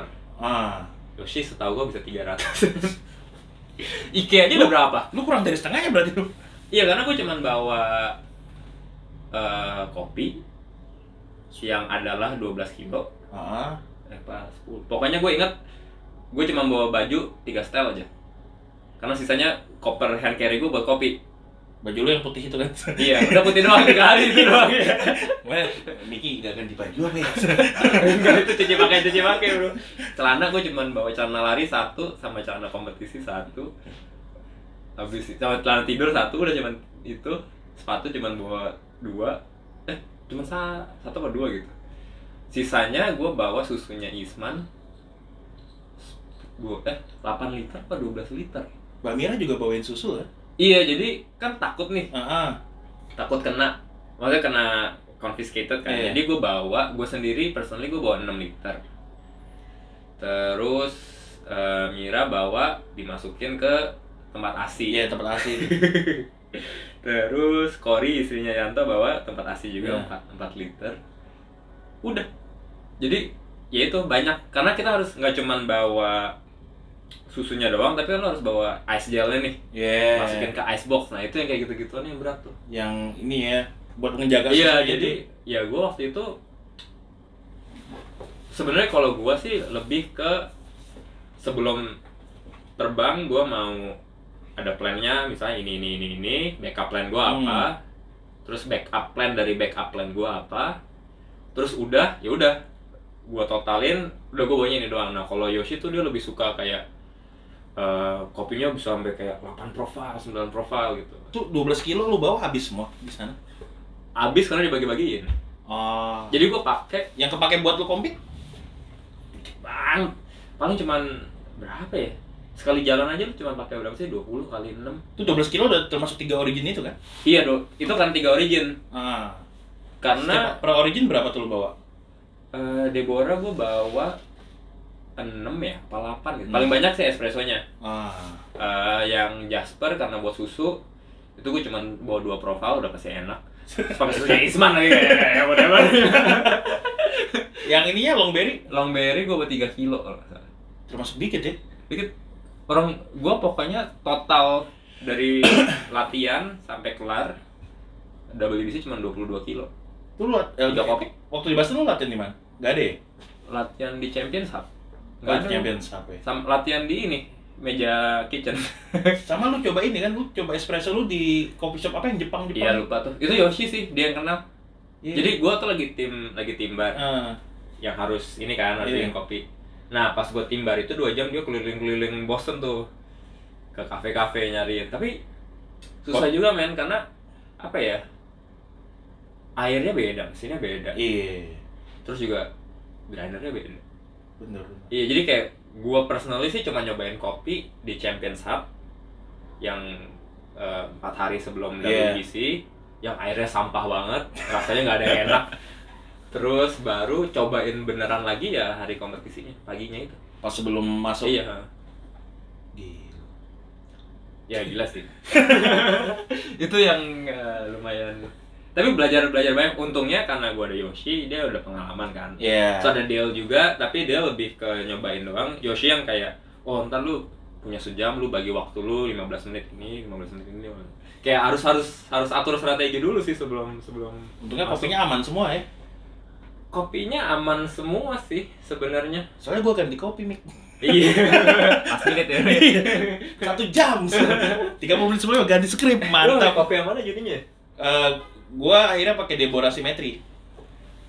Yang di roast si Yang ini. di roast sama Jameson. Yang di roast sama Jameson. Iya. Iya. Ini kata hotel nih 200 gram. Anjing 200 gram doang nih. Iya gue karena Jameson teks gue. Ah. kan dia tau dia tau lu pakai dia kan terus kayak oh gue nemu kopi ini nih di backpack gue gue yang roast kira-kira si Fakri mau ya kayak don't know coba aja Wah, mas gua 200 gram. Simetri. Gua aja nggak tahu simetri apaan tuh. kopinya itu yang Nina waktu dia pak menang di OC ya makanya pas dia bilang Iya. simetri. Wah ini kalau Ona tahu tambah tambah jadi lagi. Aduh. Yo. Tapi ya pas ketika di semifinal kan lu peringkat tertinggi, peringkat dua ya. kalau nggak salah apa sih espresso ya Enggak, Oh, eh, keseluruhan. iya iya keseluruhan iya, iya. Yang peringkat satunya kan yang peringkat 6 itu lucu loh padahal Eh, peringkat 6 itu ya? enggak enam si Jerman. iya iya benar hampir nggak Oh iya. oh iya tapi pas final si Wojtek dari peringkat satu ke peringkat lima 5 ya? Lima. Oh ya, 6-nya si Matthew. Matthew. iya si eh, tadi gua ngomong apa ya Itu yang lu peringkat 2. oh iya Eh, menurut gua padahal kopi hari itu paling gak enak Kok bisa dapat yang tinggi? nggak ngerti jadi waktu semifinal itu Apa gua karena lu tegang jadi gak enak? gue tegang banget kan gue tegang banget hari itu karena sebenarnya goal utama gue adalah ya maksudnya gue mau usaha sebaik mungkin Ah. tapi kan ya gue idealnya pengen masuk final gitu Mm-mm. tapi eh, secara sejarah kan kita belum pernah masuk final gitu jadi waktu semifinal tuh gue kayak tegang banget dan parah kayak Semifinal. wah ya Tapi menurut gua semifinal lu yang paling bagus. kata orang-orang begitu itu gue kayak Semifinal tuh 14-59 kan? Gue ingat banget. Iya. Lu lupa lah. Iya nggak tahu. Pokoknya gue tahu deket-deket dan jadinya. iya kayak em gue ngerasain kopi tuh nggak enak banget. Terus kayak gue kayak nervous gemeteran mampus-mampusan. Jadi yang gue nyobain kopi tapi menurut gue nggak ada yang enak. Jadi akhirnya gue nanya Dale sama Yoshi kayak ya udahlah terserah lu mau apa aja. Flavor flavor notesnya gue bilang aja. Gue udah nggak bisa mikir. Governance-nya dari mereka. dari Dale ya Ah. jadi kebetulan eh, kita udah punya kayak apa ya perjanjian gitu bahwa kalau misalnya lu lagi nggak tahu cuma dengerin satu Hmm. orang doang Ah, oke. cuman biasanya udah dengerin satu orang tapi tetap itu keputusan kompetitornya untuk misalnya nih coach gue bilang rasa Yeah. apricot tapi gue nggak ngerasain apricot Tetap ke lu. ya tapi kalau gue pede sama diri gue sendiri nah hari itu gue sama sekali nggak pede Gak pede aja lu bagus ya. Jadi mungkin mestinya gue gak usah pede. Dulu karena kayak waktu gue ngerasain kopi gue tuh semuanya harsh terus kayak flavor note-nya cuman yang gue dapet cuman orange doang terus kayak sisanya nggak tahu. Itu semua tuh mau jasmine-nya hilang biasanya ada jasmine selama dua bulan gue nyobain kopi ada jasmine terus tiba-tiba hilang. hilang. Terus dia, dia bilang kayak oh ini rose gitu kan. Ya whatever gitu. gue bilang rose dapat semua empat empat jurinya dapat loh. Eh, ih menurut gue sih nggak ada rose rose mau ya, mungkin itu yang eh, itu yang gua alamin juga ketika di Brewer sih. Iya. Perspektif flavor notes-nya beda kali ya. Iya bisa jadi. Mungkin kalau menurut gue sih karena gue terlalu panik, gue jadi terlalu fokus. Maksudnya kayak jadi narrow minded, gue nggak bisa, Iya. gue nggak bisa objektif gitu kan ngerasain ya kan. Gue cuma nyari apa yang salah, tapi gue nggak nyari apa yang bener. Gua nggak nyari apa yang lu punya sebenarnya. iya jadi, em, iya sih waktu itu gue belajar kayak ya kadang-kadang lu harus harus ngedengerin tim lu juga nggak bisa Iya. cuma dengerin diri sendiri. Ya gua kalau nggak dengerin oatmeal gua tetap pakai afterglow. After gue tuh gue pakai menang kompetisi 2018, eh 2019 loh. Cuma masalahnya ya mungkin Tapi buat espresso enak. di espresso kan. Soalnya pas ketika ya karena di backstage itu kan kita boleh nyobain kopi peserta lain ya. Gue pas Oh. nyobain peserta lain tuh kayak nyobain kopinya Patrick, Michael Manhart dan sebagainya. Panik sendiri. Kok funky semua nih. Punya gua kok kayaknya afterglow tuh elegan banget Iya, gitu. iya. Makanya kayak wah, waktu dia bilang udah ganti kopi aja, ganti deh. Coba pas final gugupnya sama nggak? Apa lebih lepas? Pas final. Eh, pas final terlalu lepas kayaknya jadi waktu diumumin masuk final nih wah gila tuh kan kayak yeah. heboh banget gitu kan Akhirnya men. akhirnya gitu kan tapi pas pagi itunya kayak Yoshi cuma bilang kayak Wah, gue gak tau lagi man, I've never been here before Karena selama ini Yosi tertinggi kan 12 Iya, kan. jadi dia kayak, well, gue udah bantuin lo kemarin sampai semifinal, tapi yang ini gue juga gak tahu gimana bantuin. jadi menurut gue ya kita agak terlalu agak terlalu kendor gitu. Ah. Karena gue sendiri juga kayak bingung kayak kayak oh ngapain gue sekarang ya gitu kayak se- apa ya nggak nervous tapi gue juga ngerasa gue nggak nggak push. Gak optimal. nggak optimal. Karena hari sebelumnya kan kayak wah optimal banget gitu kan. Pokoknya gue harus Yeah. main baik. Nah begitu masuk final kayak ah ya udahlah gitu. Agak-agak dikendorin dikit. Karena ya mungkin false sense of security sih. Honestly kemarin gue pikir gue juara 6 gua pas dengar pengumuman gitu enam itu tewis set yang ngajarin gini iya makanya gue yang yang ngajarin mereka enam nih nggak salah nih lucu sih itu jadi kayak kan gitu gue kira gue juara 6 kan Hmm. gue selalu gitu sih tiap kali gue masuk final gue selalu nyiapin diri supaya untuk gue harus oke kalau gue juara 6 jadi Ah. gue kayak Nggak- pokoknya be- begitu announce peringkat 6 gue selalu siap-siap gitu kan pasang muka biasa aja lah ya Iya gitu. Jadi begitu bukan dia, gue kayak, waduh. Terus lima. Gue kayak, waduh, gue peringkat berapa nih? Gue kira gue bakal top 3 waktu. Eh. Honestly ya, honestly gue kira gue bakal top. Tapi begitu nama gue, gue sempet agak kecewa 30 detik, semenit gitu. Karena, apa ya, ekspektasi udah tinggi nih ya namanya kompet namanya kompetitor gitu kan Iya. ya kecewa pasti ada lah tapi setelah looking back ya gue tahu kenapa gue juara 4 Hmm. bukan juara 3 bukan juara 2 bukan juara 1 karena ya emang effortnya dan rasa kopinya belum segitunya tapi di momen itu sih lumayan lumayan kecewa jauh gak sih beda nilai lu semifinal final semuanya turun selalu. Nggak tahu nih belakang sini ada nilainya. Teman belakang pala lu. Sampai lu tulis.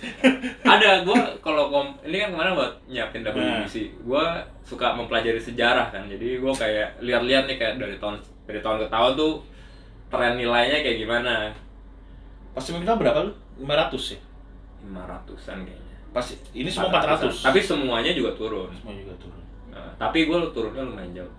Yes. ya gue semifinal tektalnya 4 dude final tektalnya dua setengah. Iya. Iya. Padahal menurut gue di final tuh kopinya lebih enak. Mungkin lu udah lepas jadi wah, Mungkin, udah enak. mungkin. enak, enak aja lah. Tapi orang-orang yang lain juga bilang gitu. Kayak kan pas final nih latihannya on stage. Ya. Ada dua mesin atau tiga mesin tuh ya? Dua. Dua mesin. Jadi gue nyobain kopinya Meti, Meti nyobain kopinya gue Pikir Kato nyobain kopinya semua orang. Jadi kayak di finalnya sendiri at- atmosfernya sih udah lepas banget nggak ada orang yang tegang gitu kan. Ya itu kelihatan dari foto sih. Lu eh, lu pernah perhatiin foto enam besar WBC enam besar WBRC nggak? Kenapa? Kalau lu Oh, iya. enam besar WBC itu senyumnya senyum seneng. Bener, Wah, bener, bener. gua final nih. Iya, iya. kalau kalau lu lihat foto enam besar WBRC gua harus menang. Iya, senyumnya senyum, Bener, bener, senyum freak semua Bener, senyum. bener, bener. orang geek wah maksudnya kok kayaknya lebih bahagia WBC ya. Iya. kok WBRC kok serem-serem ya Itu waktu pengumuman final gue juga nggak nggak nyangka sih. Maksudnya kayak gue hoping gue bakal dipanggil Hmm. namanya. Tapi gue nggak kalau nggak dipanggil pun gue kayak ya udahlah gitu kayak pertama kali WBC Iya. mau apa maksudnya kayak lu mau ngarep apa gitu kan. apalagi pas nama lu dipanggil Lem Butler bilang ini nomor favorit saya nih Iya, aduh. Karena lalu dia peringkat empat kan Iya.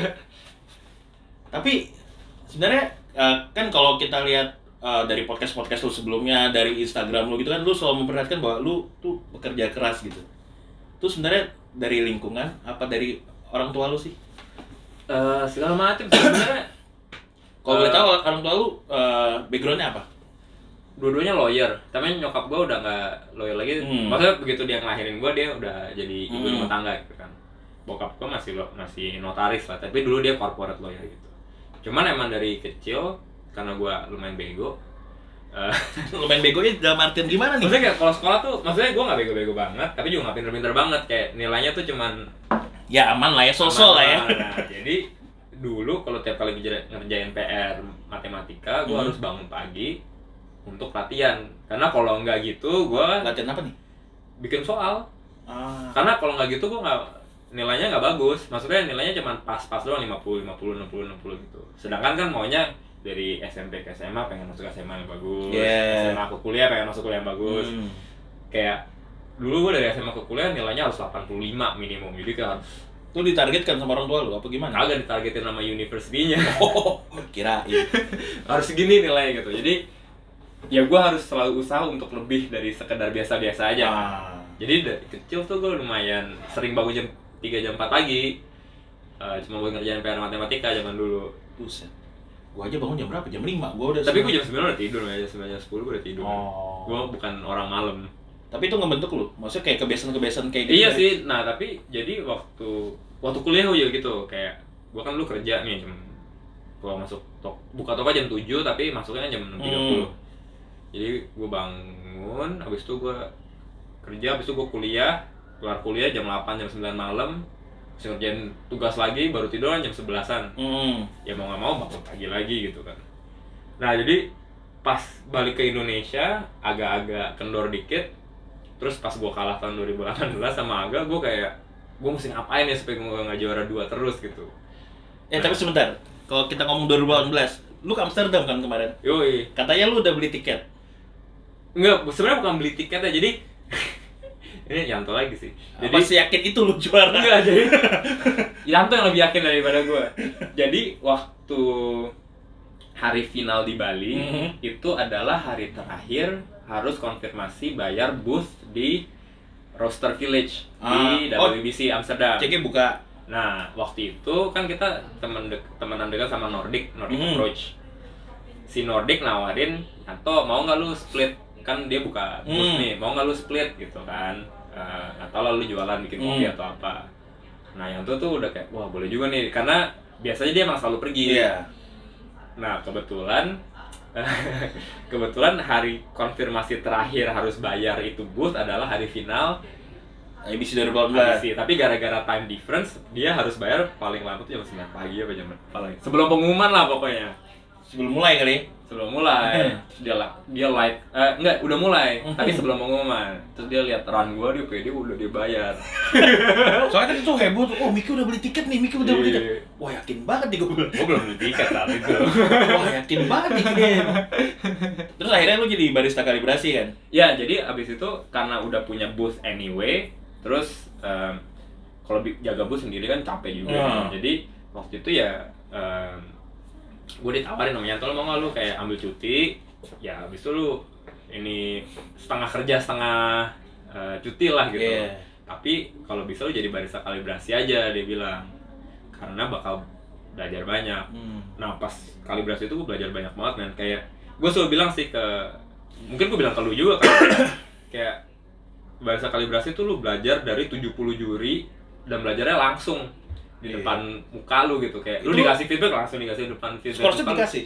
Kasih Eh, Ya nggak boleh di nggak boleh dipegang Tapi boleh difoto gitu kan Wah, oke. Tapi bahkan nggak perlu ada score sheet pun eh, Ada beberapa session yang misalnya Lu bikin kopi Dikasih kan Ah, terus uh, mereka kalibrasi nih ya. tapi kalibrasi depan lu diskusinya misalnya ini nilainya dua setengah kenapa dua setengah harus jelasin kan jurinya harus satu Oh, lu denger tuh yang gitu-gitu. gue lama dengar Ah. dan gue sengaja gue pengen tahu spektrum skor tuh dari mana ke mana sih gitu. jadi gue nggak Ah.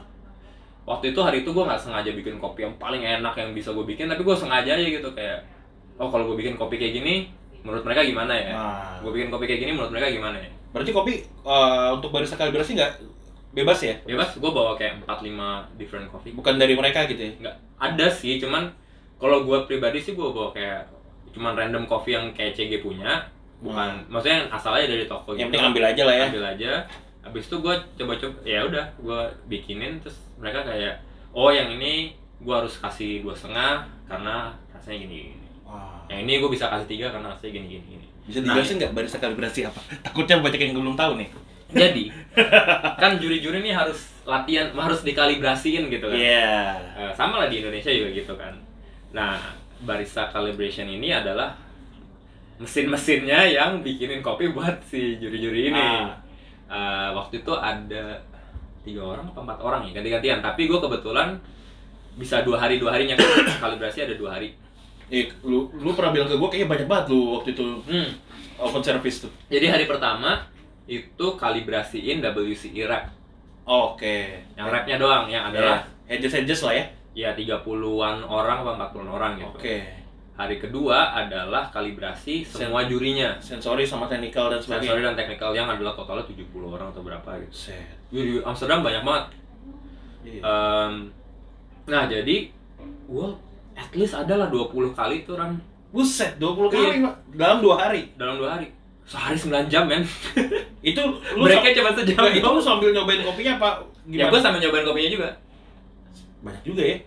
Ya juga, jadi capek sih, cuman Ngelap-ngelapnya itu. Iya, menurut gua di 2018 itu udah as if gua kompetisi tahun itu.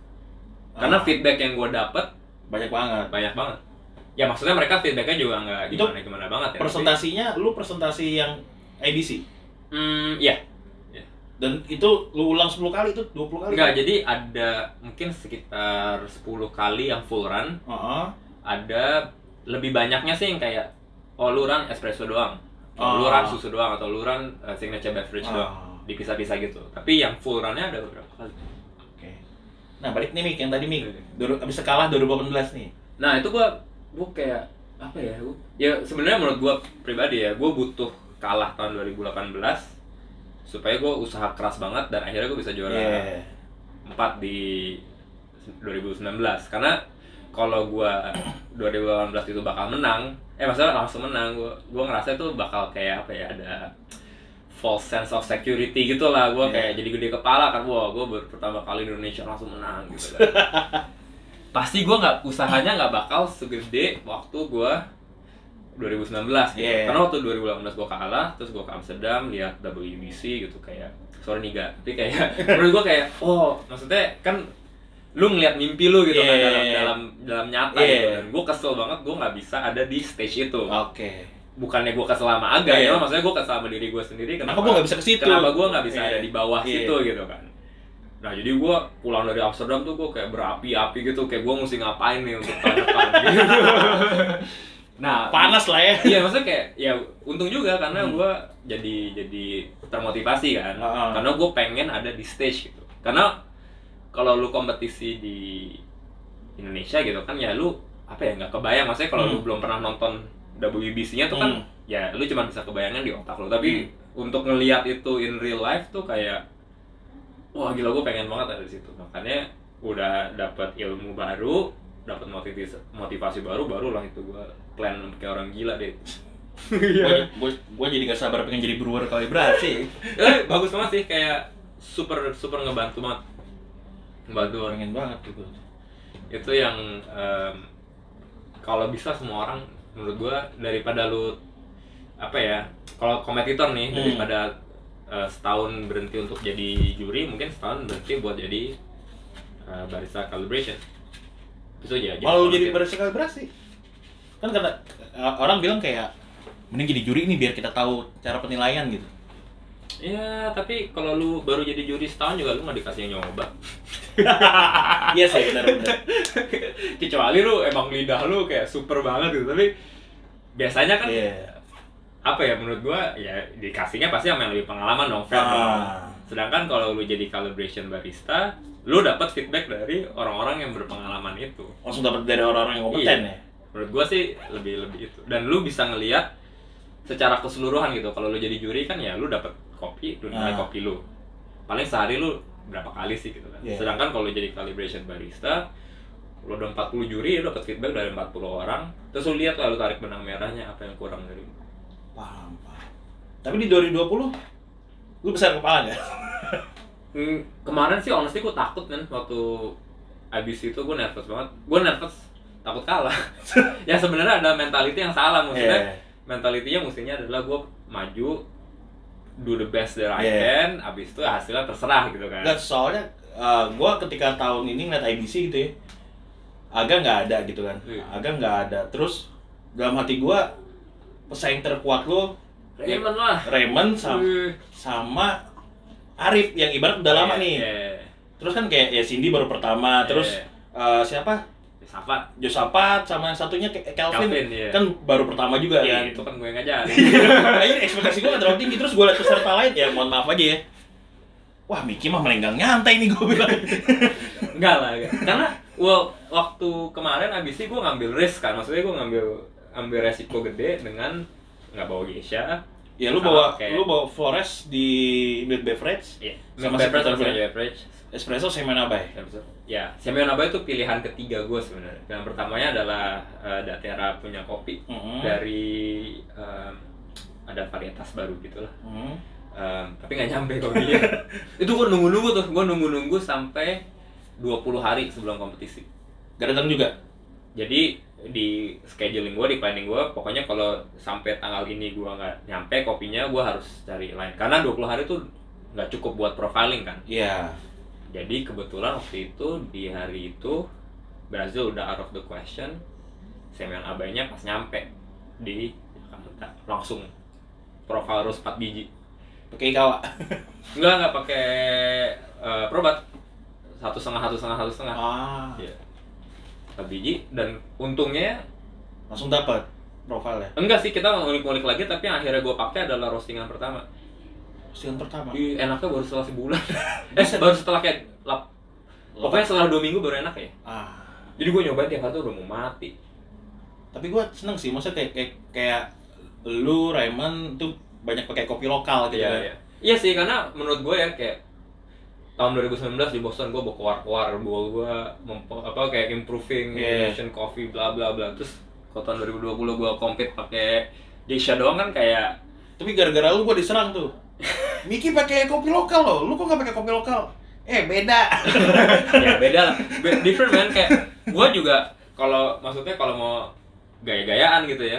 Kalau gue beneran mau 100% kan ya gue espresso juga mestinya pakai Iya. Indonesia. Ka- Tapi honestly menurut gue at that time belum bisa gitu. Ya, kita fair aja gitu kan. Lo harus objektif lah. Iya. Karena tujuan gua utamanya adalah menang. Maksudnya Hmm. Skor setinggi mungkin Iya. dengan harapan menang gitu kan. Bisa nggak gua skor setinggi mungkin dengan kopi itu? Belum bisa. Iya. Bukan yang nggak bisa, tapi belum aja gitu.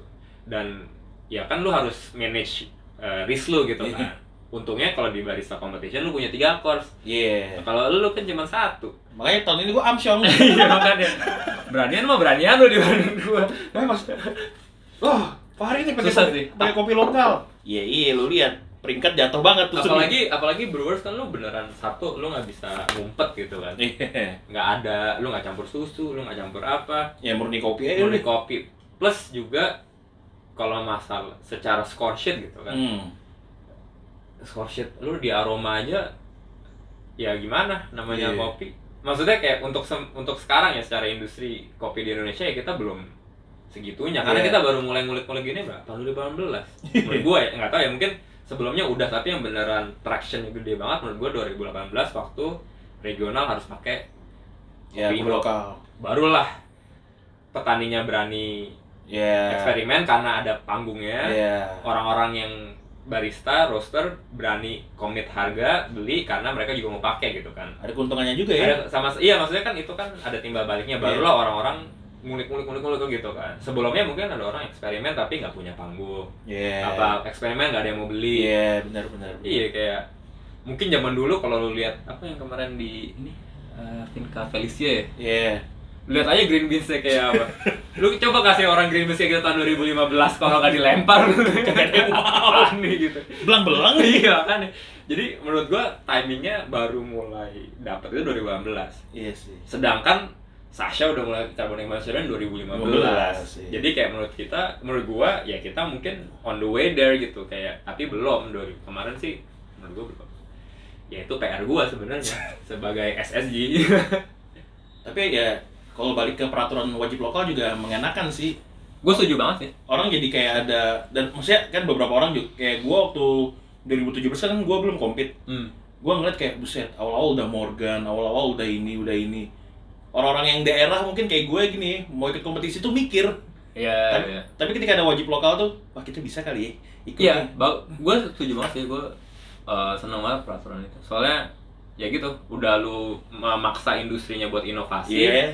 tapi lu juga bikin uh, kompetisinya itu jadi um, jadi adil lah. Hmm. Kayak lu nggak bisa menang dengan cara asal beli geisha paling mahal yang bisa lu beli, tapi lu juga harus punya skill gitu. Tahun ini banyak yang gitu. Tahun ini di Brewers juga banyak tuh.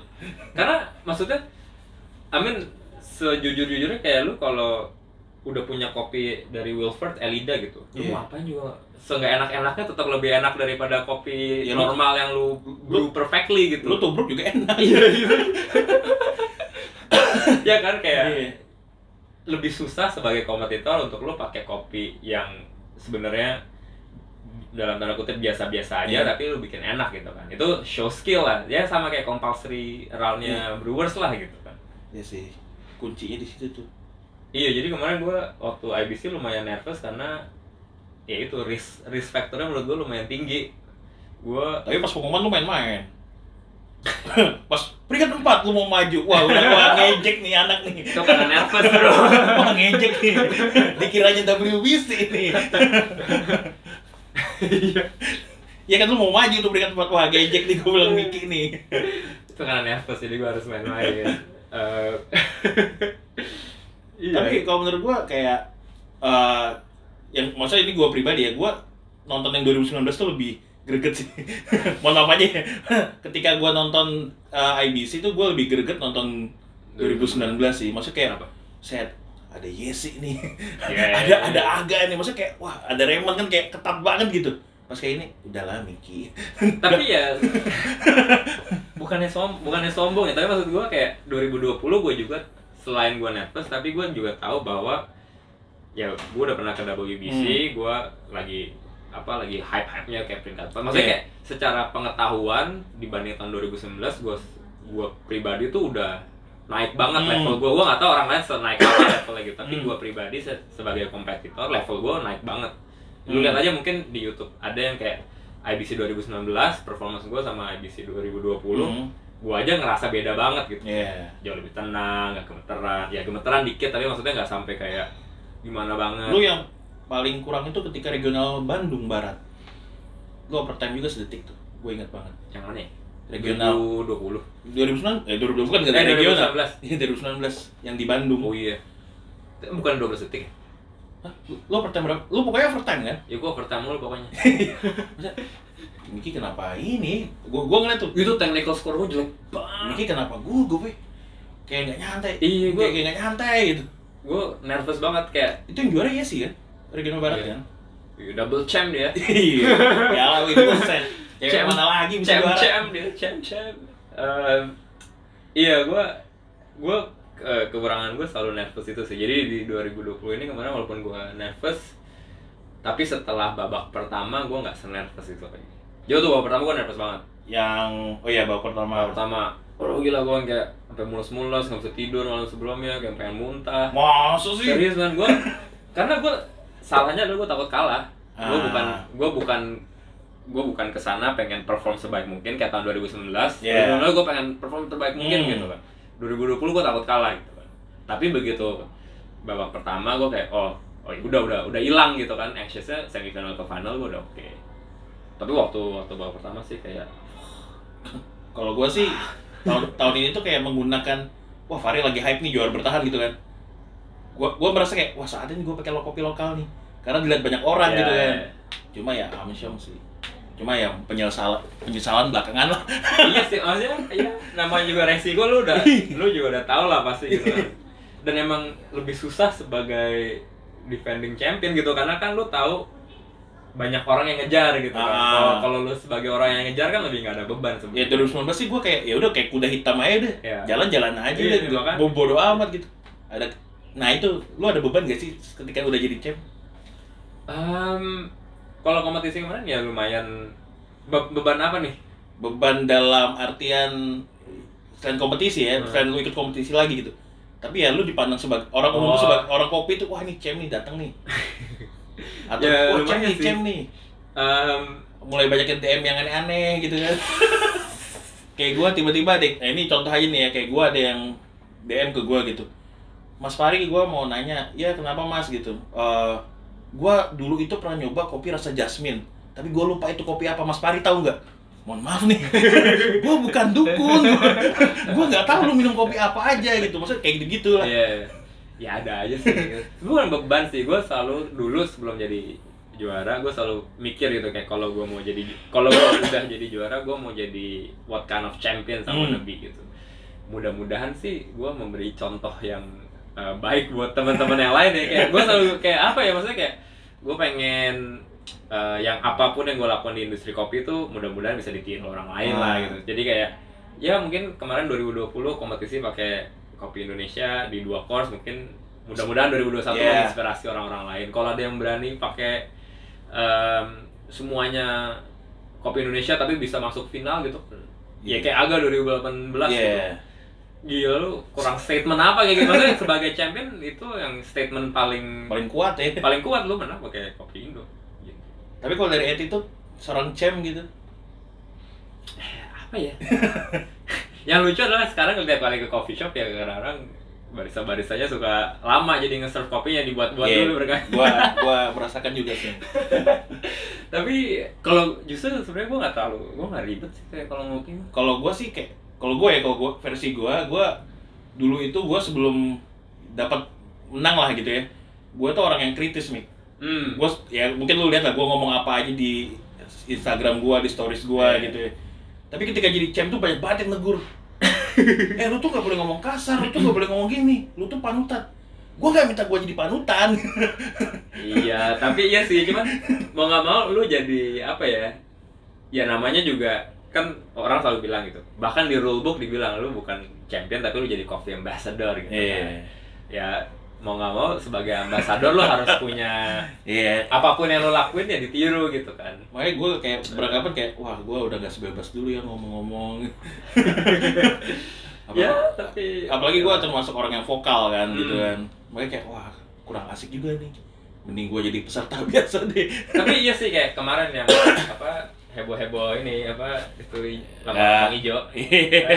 Apa apa kayak gue mau respons juga. Gue harus dua dua hari dulu gue pikirin gue mau ngomong apa ya. Karena gue tahu apa pun yang gue omongin bakal either orang setuju apa nggak setuju tapi either way bakal kayak apa ya punya potensi untuk ke blow up sampai kayak ah. gede lah gitu. Jadi gue harus mikir banget tuh kayak kayak berasa harus nulis statement sama dia gitu tapi pas kan lu nulis kan akhirnya kan? Lu Iya. nulis kemudian di repost sama dia kan. Terus dalam hati gue wah kata-katanya Miki jadi senjatanya dia nih. Tapi maksudnya gini kayak menurut gue juga gue gue bisa ngelihat dari dua pihak gitu. Kayak Nah. sebagai customer gue ngerti kenapa dia protes sebagai barista ya karena gue barista juga gue tahu kenapa baristanya gitu gitu. Jadi ya ya. Itulah. Dan Mean, negara demokrasi kan lu mau ngomong apa juga boleh sebenarnya. Iya. Cuma kadang-kadang kita ya, masa apa ya, karena industri kopi kan orang-orang kadang-kadang tuh suka kayak apa ya? Apa karena kita masih industri yang muda? Bisa juga tapi menurut gue sih karena semua orang yang di kopi ini kebanyakan dari kita adalah kita di sini karena kita passionate kan. Ah. Kalau lu mau nyari duit sih nggak di industri kopi. Gitu iya benar benar. Kayak lu di sini karena lu passionate sama kopi. Hmm. jadi begitu lu dikasih feedback dikit gampang banget buat ngerasa tersinggung. Iya. karena gue juga gitu kalau waktu gue dikasih feedback kadang-kadang ya gue suka tersinggung karena wah gila gue udah put my effort gue udah kayak bangun jam 4 pagi gue begini segala macam masih kurang bagus juga gitu. Kayak boleh boleh swear ya. Kayak, gitu kan kayak paling sering gue sama Yoshi dulu. Kan Yoshi selalu kayak kasih feedback gitu. Kayak gue udah usaha terus deh cuman kasih hmm, gitu kayak lu masih harus bisa gini kan maksudnya gampang banget untuk Iya. offended karena lu udah beneran kasih 100% lu kayak gue udah capek nih. Iya. Lu masih diginin doang sih. Sedangkan kalau industri lain mungkin karena bukan terlalu passionate atau Hmm. kayak mungkin sekedar pekerjaan aja jadi orangnya nggak segampang tersinggung itu. Hmm. karena biasanya kalau lu tersinggung berarti lu peduli kan? Iya sih. Jadi kita sebagai industri mesti gimana caranya kita bisa banyak drama juga ya. meng, meng-channel meng-channel amarah kita ini untuk yang lebih produktif lah. Banyak drama juga ya gimana tuh Mik bertahan di industri yang lumayan banyak drama Mik? tapi tapi lu yakin nggak lu bakal lama banget di kopi I, iya sih karena gue sadar waktu tahun setelah setelah enam tahun di industri gue kayak waktu gue lulus master gitu gue kayak ngapain ya hidup gue Hmm. gitu kan gue mau kerja sesuai ijazah gue Hmm. atau gue mau kerja yang lain atau gue mau di kopi nah waktu itu gue jawabnya kopi jadi gue ngerasain sampai lumayan lama di industri habis sekolah ngerjain apa lagi iya sih Iya, maksudnya kalau kalau gue ya karena ya gue udah spend mungkin udah hampir sekarang 8 tahun gue di industri kopi. Gue udah put segala macam effort, tenaga, usaha, duit di industri kopi. Masa gue uang itu terus gue ngulang ke industri baru lagi. Kayak maksudnya ya udah sekarang ya udah terlanjur gitu, udah udah masuk semua ya udah. tapi lu bahagia Ya, ya, ya bahagia bahagia aja sih. bahagia bahagianya berarti nggak bahagia banget dong Ya pastilah, maksudnya nggak mungkin lu bahagia Iya. terus gitu. Tapi kan kayak gua nggak bisa mikirin gua kerja di industri apa lagi hmm. selain mungkin wine industry tapi. tapi maksud, eh, maksudnya kayak apakah lu yakin bakal di kopi ini lu bisa menghidupi keluarga lu nanti lu punya anak dan sebagainya oh iya, iya, iya sih. Mau nggak mau, maksudnya itu yang gua selalu bilang kayak ke anak-anak cewek kan banyak barista-barista gitu. hmm. kayak dan kebetulan di CG kita banyak dapat tipe baristanya yang karir barista maksudnya mereka pengen berkarir di industri kopi gitu. Hmm. gue selalu bilang mereka ya lu kalau mau punya penghidupan dari kopi lu nggak bisa jadi barista doang Ya. karena kita nggak hidup di Australia yang gajinya 25 dolar sejam gitu kan Hmm. kayak realitanya ya lu di Indonesia kalau jadi barista mau sejago apa tetap ada ceilingnya gitu kan Iya. karena kalau lu dibayar lebih dari itu ya bisnisnya nggak survive kayak lu nggak bisa jualan kopi seharga itu gitu Hmm. jadi kalau mau ber apa menghidupi keluarga di dunia kopi ya mau nggak mau lu harus either buka bisnis apa mungkin jadi regional manager di eh, coffee chain apa gitu atau jadi sales tingkat tinggi kayak Vicky gitu kan maksudnya gitu loh kayak Iya. lu kalau cuma jadi barista Susah doang ya. Nah.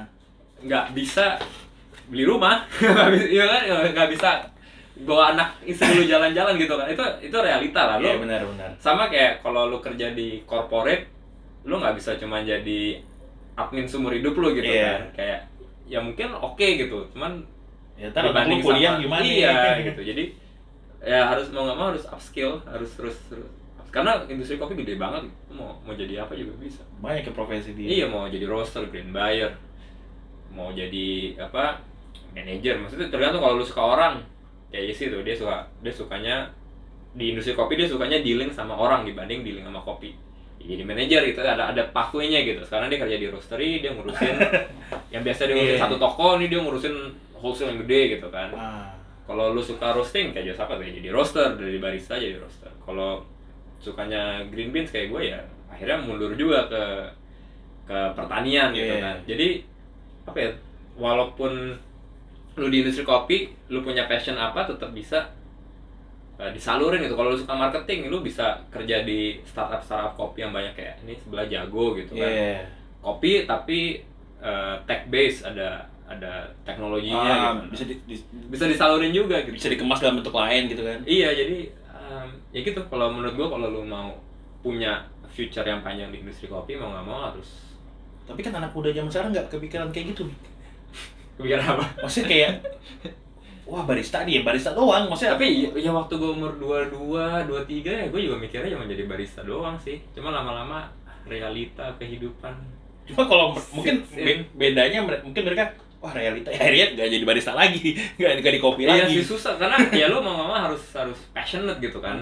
Karena kalau passionate berarti lu rela digaji lebih sedikit dibanding kerja tempat lain. Ya mungkin barista akan kelihatan aslinya kalau udah masa-masa kayak gini nih. sebenarnya iya sih dan gue sih menurut gue bagus karena ke ke filter gitu yang barista yang serius yang mana Yeah. barista yang cuman sekedar kerja karena keren-kerenan doang Ah. Ya ke filter sendiri karena kalau lu nggak bener-bener passionate nggak bakal apalagi zaman-zaman kayak gini kayak banyak yang nggak bisa kerja Yeah. gajinya dipotong terus Bahkan ada yang dirumahkan. ada yang dirumahkan gitu-gitu kan ya itu menguji menguji iman dan ketangguhan lu gitu jadi ya ya gitu lah Tapi yang membuat lu pede di kopi kan nilai-nilai apa aja yang lu anut? Hmm, Hingga bisa meyakinkan diri lu bahwa "Bu- gua bisa bertahan banget nih. Nilai-nilai yang lu anut lah, kepercayaan, prinsip Sebenarnya- lu. sebenarnya mau di mau lo kerja di mana aja yang penting kan kayak lu kasih all your effort gitu kan kayak ya lu kasih 100% lu karena bokap gue yang selalu ngajarin gitu kayak lu mau ngerjain apa nggak boleh setengah-setengah Nah. karena kalau setengah-setengah ya hasilnya nggak bakal bisa ini jadi menurut gue sih kalau lu 100% 110% 120% pasti lama-lama eh, diri lu sebagai seorang profesional tuh bisa bisa naik terus karirnya Hmm. kayak ya contohnya kayak kemarin gue uh, WBC gitu ya gue bisa aja biasa-biasa aja latihannya atau latihannya kayak orang gila tapi hasilnya uh, masuk final terus gara-gara itu opportunities yang kebuka sekarang jauh lebih banyak dibanding waktu gue 2018 2002 Iya. itu itu udah contoh paling nyata sih sebenarnya Yeah. jadi gue selalu bilang gitu ke ke anak yang lain dan untungnya barista competition tuh di Indonesia dilihat banget gitu Gak Serius? cuma Indonesia sih tapi kayak di Asia ya menurut gue kayak di Cina di Taiwan di Jepang kayak competition tuh orang kayak wah kalau menang lu kayak wah gimana banget gitu kan Iya bener. kalau lu di Swiss gitu ya udah juara oke gitu kan tapi kayak Mereka biasa aja gitu. Maksudnya orang-orang Eropa gitu? biasa aja kayaknya nggak se nggak segimana ya dibanding dibanding kita di Asia ya kayak kemarin waktu kita baru kelar IBC 2019 ya lu terbang tiap minggu kali kan Iya. iya kan di Iya. di negara lain nggak ada karena satu mungkin industrinya kecil Heeh. coba lu kebayang jadi barista champion di Lithuania gitu si Goda Iya. si yang cewek itu si Goda kan kayak ya udah dia orangnya cuma segitu aja sedangkan kita kan ada berapa Iya. ratus juta orang yang suka ngopi Apa mungkin karena budaya kita juga kali ya? iya dan kita kan producing country gitu kan Iya. jadi kayak ya I think kalau di Indonesia sih potensinya gede banget untuk secara secara karir ya dan gunakanlah platform-platform kayak kompetisi atau even kayak YouTube channel apa Instagram buat buat buat bikin jadi jadi platform lu gitu Cuma gua udah gua udah bosen sih maksudnya dengar kata-kata ah yang menang itu itu lagi. yang final itu itu lagi. Gua gua, gua sebenarnya tuh kayak pengen banget ngomong kayak eh karena yang kerja keras tuh itu itu lagi itu itu lagi. nggak salah sih iya Iya, bukan maksudnya lu gak bisa nyalahin mereka yang masuk final terus. Karena mereka, mereka yang selalu kerja keras gitu. Emang iya, ya ini itu salah satu yang pengen gue buktiin juga di 2020 ini gue kompetisi dengan kopi gue yang Hmm. eh Shimano Bay harganya 20 dolar 50 per kilo. Iya. Eh Flores kita jual 190 per kilo. Jual satu kan? Iya. Calvin Sutumorang pakai Savage Boom 55 dolar segitu. Iya. Sorry Calvin. Tapi maksud gue gitu kayak kalau dulu kan bilang, wah ya tinggal beli geisha Iya, gitu tinggal beli kan. geisha nih, Makanya yang menang menang, yang menang cege-cege mulu soalnya geisha doang gitu kan. Sekarang kayak lu ngomong apa? kopi gua paling murah Iya. dibanding semuanya mungkin kopi gua paling murah. Arif pakai apa? Arif pakai Eh, dia ini kan Ethiopia kan. Jasper. i- eh itu bukannya si Cindy. Oh, Cindy yang Jasper ya? Arif bukannya pakai geisha juga ya? Siapa lagi? Oh, gua gak tahu tuh. Ya, Pokoknya pakai lokal tuh lu sama Arif sama kan? geisha village. Raymond pakai si Semendo. Semendo tapi espressonya kan eh, geisha Iya. apa ya? Lupa tapi wash geisha gitu Ah, kan. Wash Keisha. Terus eh Calvin pakai geisha savage. Savage Boom. Iya sih. sini juga kayak ya maksudnya ya itu proofnya gitu. Iya. Eh, dan berarti yang itu kenapa yang final dan yang menang itu itu aja karena yang itu itu aja yang usahanya paling Keras. paling keras sih ya gitu. gua, gua bahkan kayak gua sendiri ya maksudnya gua kan dari Samarinda kan lu pernah ke Iya. Samarinda kan gua sampai ke telinga gue itu wah Fahri mah bisa juara tuh karena temen-temennya cem Tapi iya, makanya apa bedanya sama waktu lu 2019? iya. Ya maksudnya kalau dibilang yang menang itu itu aja ya 2019 lu ngebuktiin bahwa yang menang bukan itu itu aja. Enggak, mak makanya gua, gua, kan selalu berstatement kayak gua bukan dari perusahaan loh. Iya. Maksudnya kayak ya berarti lomba ini kan buat bu- buat semua orang bukan Iya. buat kalangan tertentu kan soalnya banyak batu yang ngomong kayak gitu kan. Itu bikin gua kesel banget sih. Iya oke itu kurang pembuktian apa lagi gitu. Iya. Makanya itu yang bikin gua kesel tuh ya lu yang ngomong lu berani kompetisi gak tuh? Ya gitulah. Iya sih. Ya ya. Apalagi apalagi common ground lah ya kita gak memungkiri kan. Dan Dan- CG nih CG nih. Iya dan kalau CG sendiri gue bisa ngomong karena kan kita kompetisi udah lama banget. Dari Iya. zaman Yoshi 2014 kan ilmu lu tiap tahun nambah kan. Hmm. Jadi tiap kali kompetisi ya lu ngebangun dari apa yang udah dibangun dari 2014, 15, 16, 17, 18, 19, 20. Itu ilmunya walaupun orangnya ganti, Yoshinya udah enggak, ilmunya kan turun ke gua. Ntar gua enggak, Iya. ilmunya turun ke Josafat, Calvin, Reina. Maksudnya ya makanya kenapa bisa itu-itu aja karena ya kita kerja kerasnya udah dari tahun 2014 bro lu dan kayak- disambung gitu iya kan. disambung kan dan konsisten gitu kayak tiap untuk, tahun untuk, untuk Raina gak masuk final ya kalau nggak empat orang tuh Karena tuh bisa masuk final mestinya. Tapi dia overtime. Iya, overtime, berapa? Pokoknya dia kalau nggak salah ya. kalau dia masuk Cindy nggak masuk loh nggak sih? Kalau nggak salah enggak, dia mestinya masuk semifinal. Ah. Tapi karena dia overtime nggak masuk semifinal. Ah. Tapi nilai dia itu setelah dikurangin 13 detik atau berapa cuma beda satu dari yang peringkat 12. Jadi mestinya tuh mungkin dia peringkat 10 besar apa peringkat 6 besar. Iya. Gitu. Kalau sampai Re- makanya saya wah gue sampai Rena masuk sih kelar nih Ya udah gitu gue juga gue selalu merhatiin kalau kalau gue gue merhatiin kayak skor skor orang gitu kayak ini mah kayak lomba internal lu aja men. Tapi kita juga banyak sih yang ikut jadi kayak ya gimana ya? Nah, Mik, nih lu kan Aduh. lagi ini nih. Kayak di Instagram sibuk hidup sehat nih, naik Oh, iya, sepeda.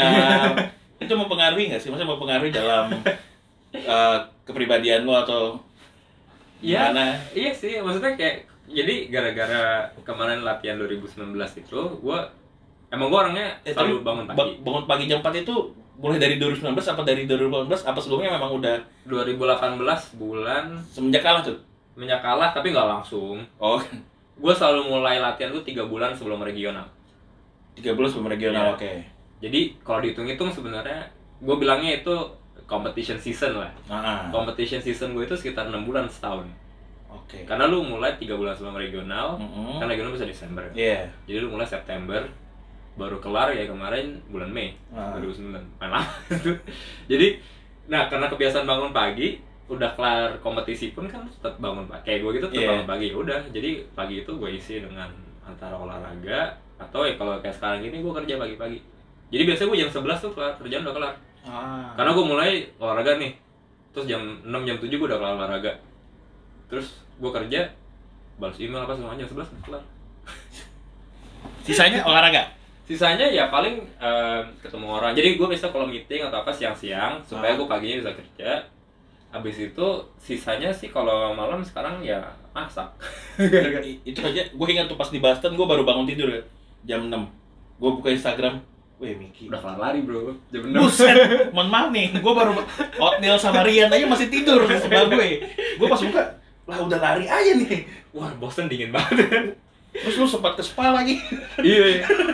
Iya gue Sempet-sempet jadi orang gue tuh seneng apa ya maksudnya gue ngerasa karena kan gue ngambil inspirasi dari banyak atlet-atlet gitu Iya lu, gue Yes. dengar di podcast-podcast lu UFC UFC fighter lah apa mereka Nah. tuh nggak cuma ngasah skill mereka berantem doang tapi mereka juga ngasah mentality terus juga ngasah apa ya skill-skill lain yang sebenarnya kalau lu kalau lu lihat secara em, sekilas tuh nggak ngebantu Mhm. eh, nggak ngebantu sport utama lu gitu tapi Mhm. sebenarnya kayak gue olahraga terus eh, bangun pagi itu kan ngebantu lu disiplin untuk kompetisi lu sebenarnya Mental set lah ya, bukan? Iya, sebenarnya men- mental set sih. Tapi ya sama lah kayak orang bilang mamba mentality gitu kan. Ah. Kayak apa bedanya kayak ya dia udah retire juga tetap aja put the same amount of effort and same amount of energy tapi ngerjainnya kerjaan yang lain aja. Itu lebih kayak apa ya? Ya et- etos kerja lo, work ethics lo gitu. Dan Jadi- itu lu tanamkan Iya, ya. em, makanya gue juga sekarang ya biasanya olahraganya ke gym, gym tutup ya jadi sepedaan gitu kan. Kayaknya gue sekarang setiap hari ngeliat lu sepedaan nih, kalau gue liat di Instagram Iya, hampir tiap hari. Karena ya dulu tiap hari ke gym. Iya Kalau nggak nge-gym gue lari pagi. Sekarang gym tutup, ada sepeda ya udah. Tapi badan lu Udah. gedean nih Iya. Tapi beratnya sama kayaknya.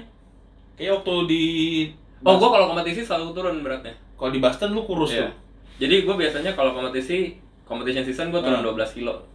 Sekitar 7 sampai 12 Mohon kilo. maaf nih, enak banget tuh turun berat badan gimana caranya tuh? Karena ya gitu stres kan nggak makan lah.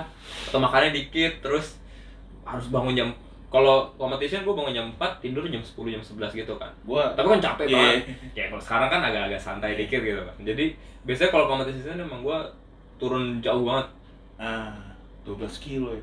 Gua stres malah makan nih. eh, gua kalau sekarang nggak bisa makan Nah, gua penasaran nih. Gua udah bosan nih ngomong kopi nih. Lu kenapa tatoan nih?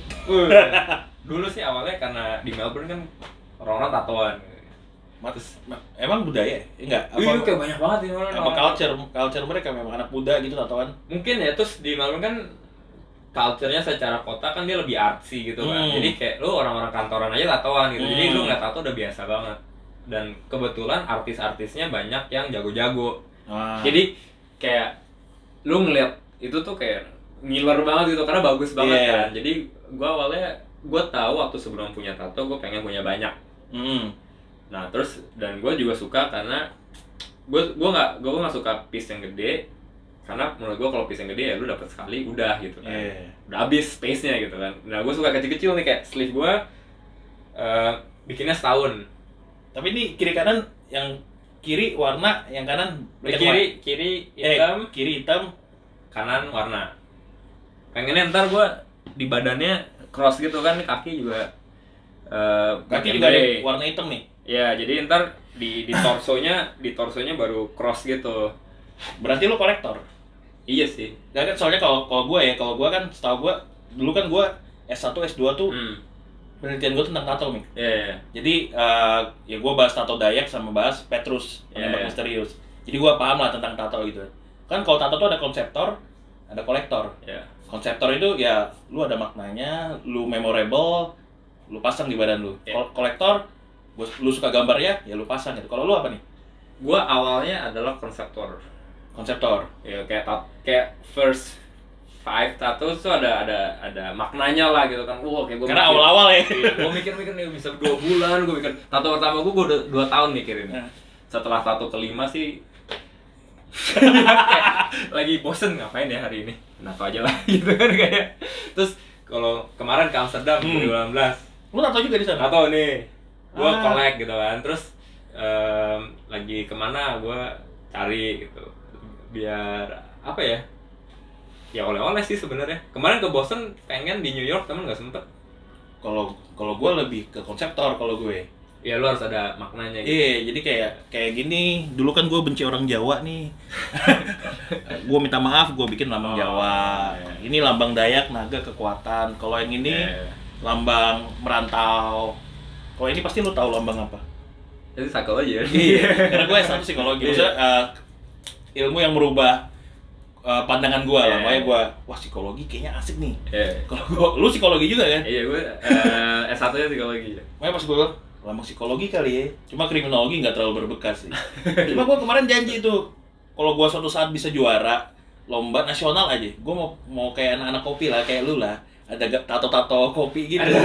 Cuma kayak di mana ya? Soalnya gue lebih black and white kan, Iya. iya. eh black and grey gitu. Jadi kalau mau gue pasang tato kopi, gue pengennya di sebelah sini nih, di Iya. sebelah lambang psikologi gitu. Cuma agak aneh aja itu. Iya sih. Iya gue juga. Lu ada lambang ada kopi kan? ada ada Setahu setahu gue ada cappuccino di kaki itu pernah difoto. ada cup. Ini pernah difoto di mana ya? Kayaknya di ini deh waktu WBC. Hmm, WBC itu pernah ada yang foto tuh. Iya. Terus apa lagi ya kalau kopi-kopian? Setahu gua ada latte art. Gua pernah lihat di belak- bagian belakang Oh sini. iya nih. Oh iya. Ya, yang ini ada tukan tapi duduk di atas coffee cherry. Ah. La Palma IL tukan. tapi ini gue sebelum tau La Palma sih, cuman gue kayak Iya. suka tukan, terus suka kopi, udah jadiin satu. Lagi ya? Ya, tapi gue sampai punya random kayak ada Nutella lah, ada peanut butter lah. Itu karena lu murni suka gambarnya aja. Gue suka Nutella dan suka peanut butter. Enggak siapa tahu kan apa ya. Enggak, jadi gue datang ke tukang tato gue kayak gue pengen Nutella. Biasanya kan kok kalau kalau orang Indo kan eh, berlian gitu kan. Iya. Atau enggak kalau mamanya tato-tato religius gambar Yesus gitu kan. Iya. Lu nggak mau kayak gitu tuh? Malu kan ntar kalau gue berdosa ada yang liatin. Iya sih. Iya. Atau kan tangan apa Bunda Maria begini. Iya. Enggak lah gue kalau itu apa ya karena gue suka kalau itu agak terlalu kalau religious tattoo agak terlalu personal menurut gue Iya. kayak jadi udah gitu gue nggak suci suci banget lah jadi gue malu gitu gue aja nggak pakai atribut atribut Iya. salib atau apa gitu karena menurut bukannya nggak pantas cuman gue apa ya itu itu agak Daripada salah. Iya gitu, jadi gue mendingan Nah, jadi tato yang gue suka biasanya Satu stylenya emang yang kayak American Classic gitu Iya. Eh, Jadi ya gambarnya itu, itu doang Gue punya swallow aja punya berapa banyak men Gue punya burung 4 atau 5 kali Jangkar ada nggak jangkar? Ya kan ada dong jangkar biasanya pasti ada. Klasik Atau enggak eh, perempuan seksi gitu ada nggak? Gak ya? Enggak, tapi ada ada geisha nih Ah. Ada geisha tapi eh, Terus ininya coffee flower gitu Itu kan dibilang old school, old school tato kan? Model-model kayak American eh, Atau Sailor Jerry Sailor lah Jerry, iya. Kayak tato gaban gitu Ah. semua di Bali banyak tuh yang pakai kayak gitu tuh. Iya, iya, iya. Orang-orang Bali. jadi ya itu gue sukanya koleksi gitu udah gitu jadi orang-orang selama ini tato artisnya sama ya gitu padahal enggak sih ada Ya mungkin karena konsepnya karena style Ah. sama. jadi gue nyari orangnya itu terus kayak kalau lagi flash lagi flash sheet eh, ini kan biasanya murah-murah Iya. diskon diskon gitu kan kalau flash gue sering banget tuh gue eh, sering banget datengin kalau lagi ada acara-acara Tapi gue datang kalau di Indo lu belum ada ar- artis tato yang lu suka? belum udah gitu menurut gue ya Eh. di Indo tuh ribet banget kayak gue mesti bikin appointment 6 bulan ke depan setahun ke depan Iya benar sih. orang Indo kan kayak wah mungkin karena nggak banyak ya Iya.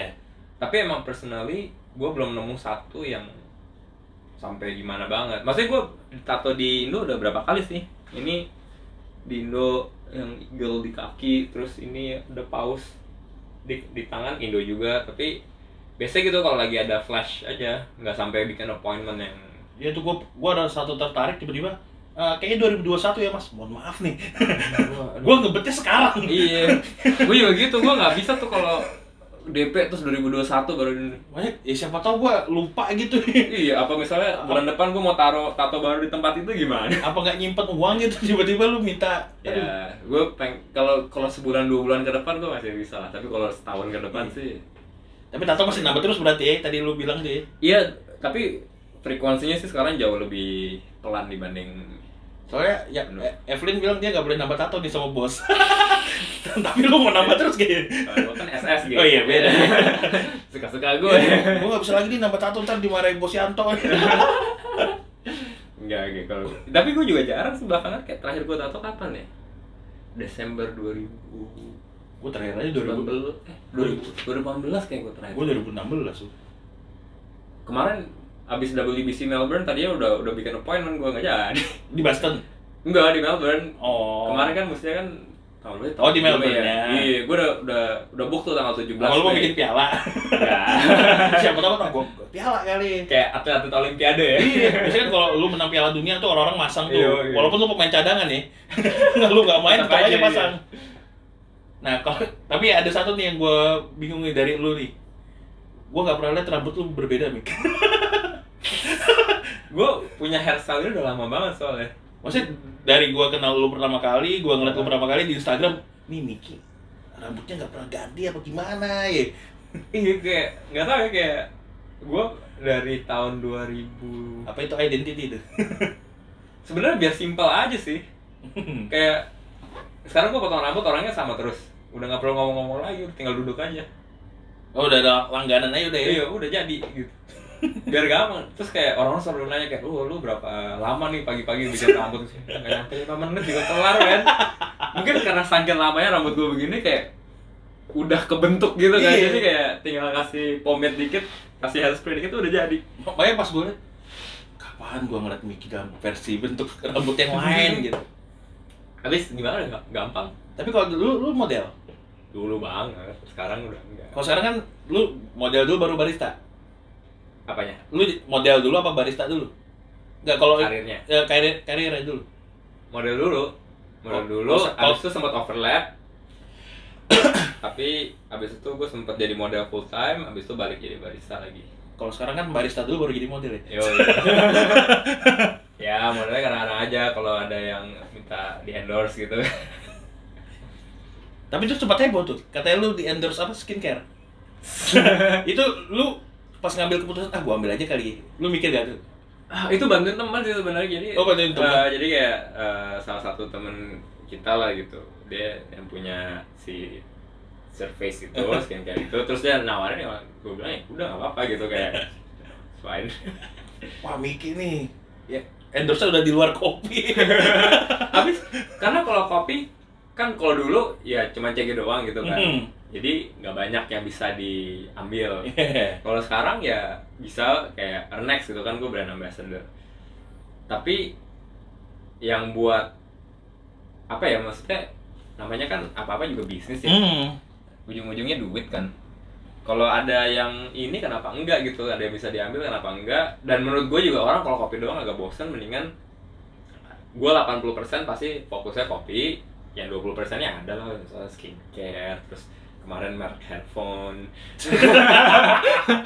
Ya kalau handphone juga banyak sih Aga juga ada gua lihat ya. yang gitu-gituan ya buat nambah-nambah ini pemasukan Tapi gara-gara itu orang-orang jadi beranggapan wah sekarang barista luas ya ininya ya. tapi menurut gue iya sih maksudnya kayak uh, apalagi agak gitu ya Hmm. dia yang pertama mungkin ngebuka mata orang bahwa lu jadi barista tuh nggak cuman jadi barista doang sekarang tapi lu Yeah. udah punya kesempatan untuk uh, jadi popular culture icon gitu kayak Hmm. kayak celebrity chef deh Ya, dulu kan orang mikir chef ya cuman masak doang masak doang tapi sekarang lu jadi chef bisa jadi bintang iklan apa bisa main film apa iya jadi kayak agak salah satu orang yang menurut gua Ngebuka pintu. jalan itu gitu dengan ya walaupun awalnya main film kopi Hmm. tapi lama-lama kan banyak Ya. jadi bintang iklan pomade gitu kan Tapi ngomong-ngomong gue pernah lihat lu si, si iklan bareng lu. apa ya Ah, ada di YouTube, gue lupa Oh, iklannya. iya? Iya, lu si iklan bareng sama Aga. apa ya Itu tahun tahun berapa ya gue lihat ya 2017 tuh. Gue iseng kan, wah Aga mau ulang tahun nih. Gue cari video-videoannya. Heeh. Gue ketik Muhammad Aga. Lah ini kan Miki ya. 2018 tuh. Ada lu berdua, gue inget banget. Vi- Videonya hitam putih gitu lah. Ayo. Wah, gue aja nggak tahu men. Langka nih gue. gue aja nggak tahu apa ya. Ya tapi em, ya apa ya? Maksudnya it's it's good kan maksudnya. Iya. Secara secara bisnis bagus, secara pribadi juga lu jadi punya platform buat eh, nyampein apa ya? Nyampein apa yang lu peduli di industri kopi, lu bisa nyampein itu ke masyarakat yang lebih luas gitu. Di ujung-ujungnya juga bawa customer baru ke industri kopi. Ya nggak sih? Ngebuka ngebuka pasar baru Iya, juga. ya, gua rasa sih gitu lah. Jadi orang-orang yang tadinya nggak suka kopi, terus tiba-tiba ngelihat gua, ngeliat Aga, ngeliat lu, ngeliat Coco gitu kan kayak jadi oh apa sih kok ini nih specialty coffee itu Iya. apa sih gitu kan karena mereka ngelihatnya bukan di setting kopi yang agak-agak intimidating misalkan Hmm. kalau settingan coffee shop atau coffee competition kan intimidating banget tuh Iya, segmented lah. Iya, tapi kalau mereka ngelihatnya di popular culture mungkin lebih lebih bisa eh, bikin mereka interested gitu menurut gue. Nah terakhir nih Mik, setelah corona lu mau ngapain nih? Setelah lu bebas mau ke mana-mana lagi deh. Pokoknya gue begitu bisa terbang gue ke farm aja. Gue udah bilang sama semua partner farmer kita gue kayak the moment bisa terbang gue bakal ke farm dan Ini gregetan banget nih lu. ya karena gimana ya maksudnya coffee cherry mah nggak peduli ada corona nggak ada corona tetap aja dia mesti dipanen kan. Iya. dan ini karena bukan cuma jadi kompetisi lagi udah jadi bisnis mau nggak mau ya harus tetap di harus tetap dipanen harus tetap diproses gitu kan dan gue bukan tipe orang yang bisa cuma sekedar eh, ngomong doang terus titip proses gue harus beneran di sana gitu. Dan karena tahun ini emang udah kerjaan gue ini gue pengen di sana selama mungkin sebisa gue gitu. Gitu sih. Karena gue kayak honestly this new normal thing gue nggak suka online online apa ya Gue aja jujur ya, gue ke walau coffee shop udah buka, gue masih takut Mik. ya takut sih gue juga gue juga ya coffee shop sekarang kita minum kopi sendiri lah di Iya. rumah tapi kalau kalau panen kan mau nggak mau gitu Iya. Iya. Mereka tetap jalan, mereka nggak pengaruh corona. iya gue so far sih gue nggak kangen-kangen banget ngopi di coffee shop tapi Iya. yang gue concern adalah Tanggung jawab yang di belakang. yo udah gitu kan ada kemungkinan mudah-mudahan kopinya bisa dibawa ke WBC kan Oh iya. Tapi ada rencana itu tuh. Maksudnya lu mau pakai kopi lokal lagi? ya ya. Full up, full apa sebagian course? mimpinya sih full kalau nggak bisa gua mudah-mudahan tahun 2021 deh. pokoknya the Yeah. champion setelah gua tujuan gua adalah Emang tahun depan lu nggak kompet? Kalau kompet tahun depan ada kompetisi lu nggak kompet? gue udah bilang Mbak, 2020 terakhir gue kompetisi untuk foreseeable future maksudnya karena menurut gue satu gue udah nggak bisa nawarin perspektif baru Hmm. apa-apa lagi karena udah gue kompet udah lima tahun berturut-turut kan Bukan karena merasa tua kan? enggak sih menurut gue gue udah nggak bisa kasih perspektif baru Hmm. lagi gitu kayak jadi guanya sendiri gue perlu uh, break Iya. untuk mungkin gue punya perspektif baru tapi refreshing juga lah ya. untuk em, regenerasi buat barista-barista lain karena menurut gua kalau lu kompetisi terus lu nggak ngasih kesempatan buat industri lu untuk untuk grow gitu Ah. Nggak kayak Yoshi menang tiga kali. Iya, tiga kali dia. ya jadi menurut, menurut gua sih gitu jadi gua bakal em, 2021 udah pasti enggak 22 udah pasti enggak Iya, kalau- Eh, gua pengen coach anak-anak. Kan tanggung jawab gua walaupun gua nggak kerja sama CG tapi mereka dapat dapat Hmm. perks lah gitu untuk di coach sama gua. Atau kalau orang lain mau di coach boleh juga. Tapi gue juga pengen, ya bisa. Terus gue juga pengen eh, either jadi volunteer apa jadi juri sih volunteer mungkin juri gua agak kurang mau. Kalau jadi juri sih agak aneh. volunteer sih gua tersentuh banget sama Aga Aga Rojeska ya? Aga Rojeska waktu tahun kemarin di Boston Ya gue ngeliat dia jadi dia ngelap ngelapin timekeeper. iya dia ngelap ngelapin mesin gua mau jadi timekeeper maksudnya kayak lu sebagai world champion Iya. jadi volunteer tuh itu statement gitu Iya. Lu dorong troli. iya itu itu it- menurut gua tuh statement paling besar gitu Iya. apalagi dia 2018 nya ngomongin customer service segala macam itu leading by example lah Dia langsung memberikan contoh. Nah, itu sebenarnya gara-gara si Aga Rojeska juga, gue 2019 akhir itu gue ikut jadi panitia di acara lokal Bandung Hmm, sih. hmm. Karena gue kayak pengen ah cem aja bisa nih yang begini nih masa lu nggak mau sih jadi panitia Iya, gitu itu kan gue pengen kayak gitu tuh ya lo harus harus apa leading by example gitu kan dan gue juga sebenarnya pengen banget ngilangin anggapan tuh kayak kita kalau mau ketemu cem itu cuma di acara ya. Nah, gue pengen banget Mik maksudnya ngilangin hal itu gitu. Karena kayak ya gue tau lah ketika gue dulu masih belum jadi seorang juara gue pengen ketemu teman-teman gue yang juara-juara tuh pengen ngobrol tuh kayak susah banget ya. Wah susah banget gue harus harus datang ke acara mereka nih.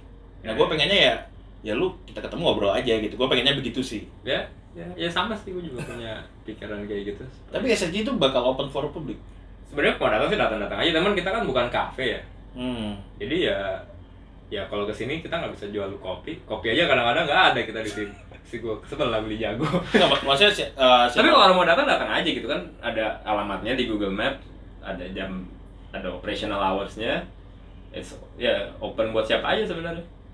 Seumpama tahun depan ada yang orang gitu dari daerah mana eh, Mas Wiki gua mau compete nih Brewers boleh boleh di SSG ada jasa coaching nggak atau gimana oh gitu? ya ada ada banget gitu kan maksudnya em, satu gue suka ngajar emang Hmm. kedua juga ya itu bisa diduitin gitu kan. iya jasa men jasa jasa, iya kan. jasa. Abis kalau kok se- sebagai kompetitor ya, sebagai coffee profesional kan gue nggak jualan kopi, maksudnya gue bukan jualan kafe gitu kan. Hmm. Apalagi yang dijual selain Iya, gue gitu. selain jasa ya. Iya selain jasa ya hitungannya konsul consulting lah gitu kan.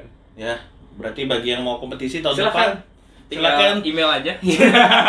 Iya. Silakan. Gue belum lanjut tuh malah subs- Jangan- apa subscription-nya ya. Ya, ya subscription mudah-mudahan em, membantu terus kalau ada Banyak feedback boleh. Mik, yang ikut? Gue belum perpanjang tuh lupa gue. oh, iya, gue sih pri- pribadi gue lagi pengen cari sistem di mana orang nggak kayak kayak lu langganan yang lain aja gitu kayak renewalnya Ah. otomatis. Kalau ini kan agak-agak lu sebagai pengguna tuh agak ribet kan, Iya. Kayak lu harus renew, renew, renew. Nah, gue lagi coba cari gimana caranya supaya Ya, otomatis. Mungkin bisa pakai GoPay atau apa gitu atau apa. OVO bisa, O- OVO bisa ya? iya. iya. Em, cuman ini kan yang bikin websitenya gue ya, Nah itu Mik, kan Gua- gue nggak ngerti apa-apa. gua gua gua baca gitu kan. Pembahasannya menarik, cuma mungkin pengemasan tuh kayak website lama Mik. Iya, iya, iya. Jadi yang dua minggu terakhir sih gue udah mulai masukin video. Ah, Jadi supaya nggak bosan-bosan banget nah lah. yang awal tuh anjing fotonya dikit tulisannya banyak banget iya. gitu Jadi kan. ki- eh, kita lagi bikin gimana caranya supaya agak lebih interaktif dan Iya, nggak bosan lah. Ya. Gak ngebosenin lah gitu. Cuma pas awal baca pas eh, yang kedua kalau nggak salah bahas apa itu? ya? Propolasi itu. Oh iya, Oh, gue udah mulai pusing nih. panjang banget. Terus kayak bahasa Indonesia tuh kak- baku banget. iya. bahasa Indonesia baku Maklum ya. banget. Maklum ya kita mudah-mudahan akan diperbaiki bahasanya. Siap, siap. Yo wes Mik, thank, Thank you, you. banget, thank you banget dua jam Mik, gua nggak kerasa. Orang nggak muntah-muntah. nih. ya, gue sih pengennya sih obrolan santai doang ya, nggak gimana gimana. Oke, sekian podcast hari ini, and this is my time.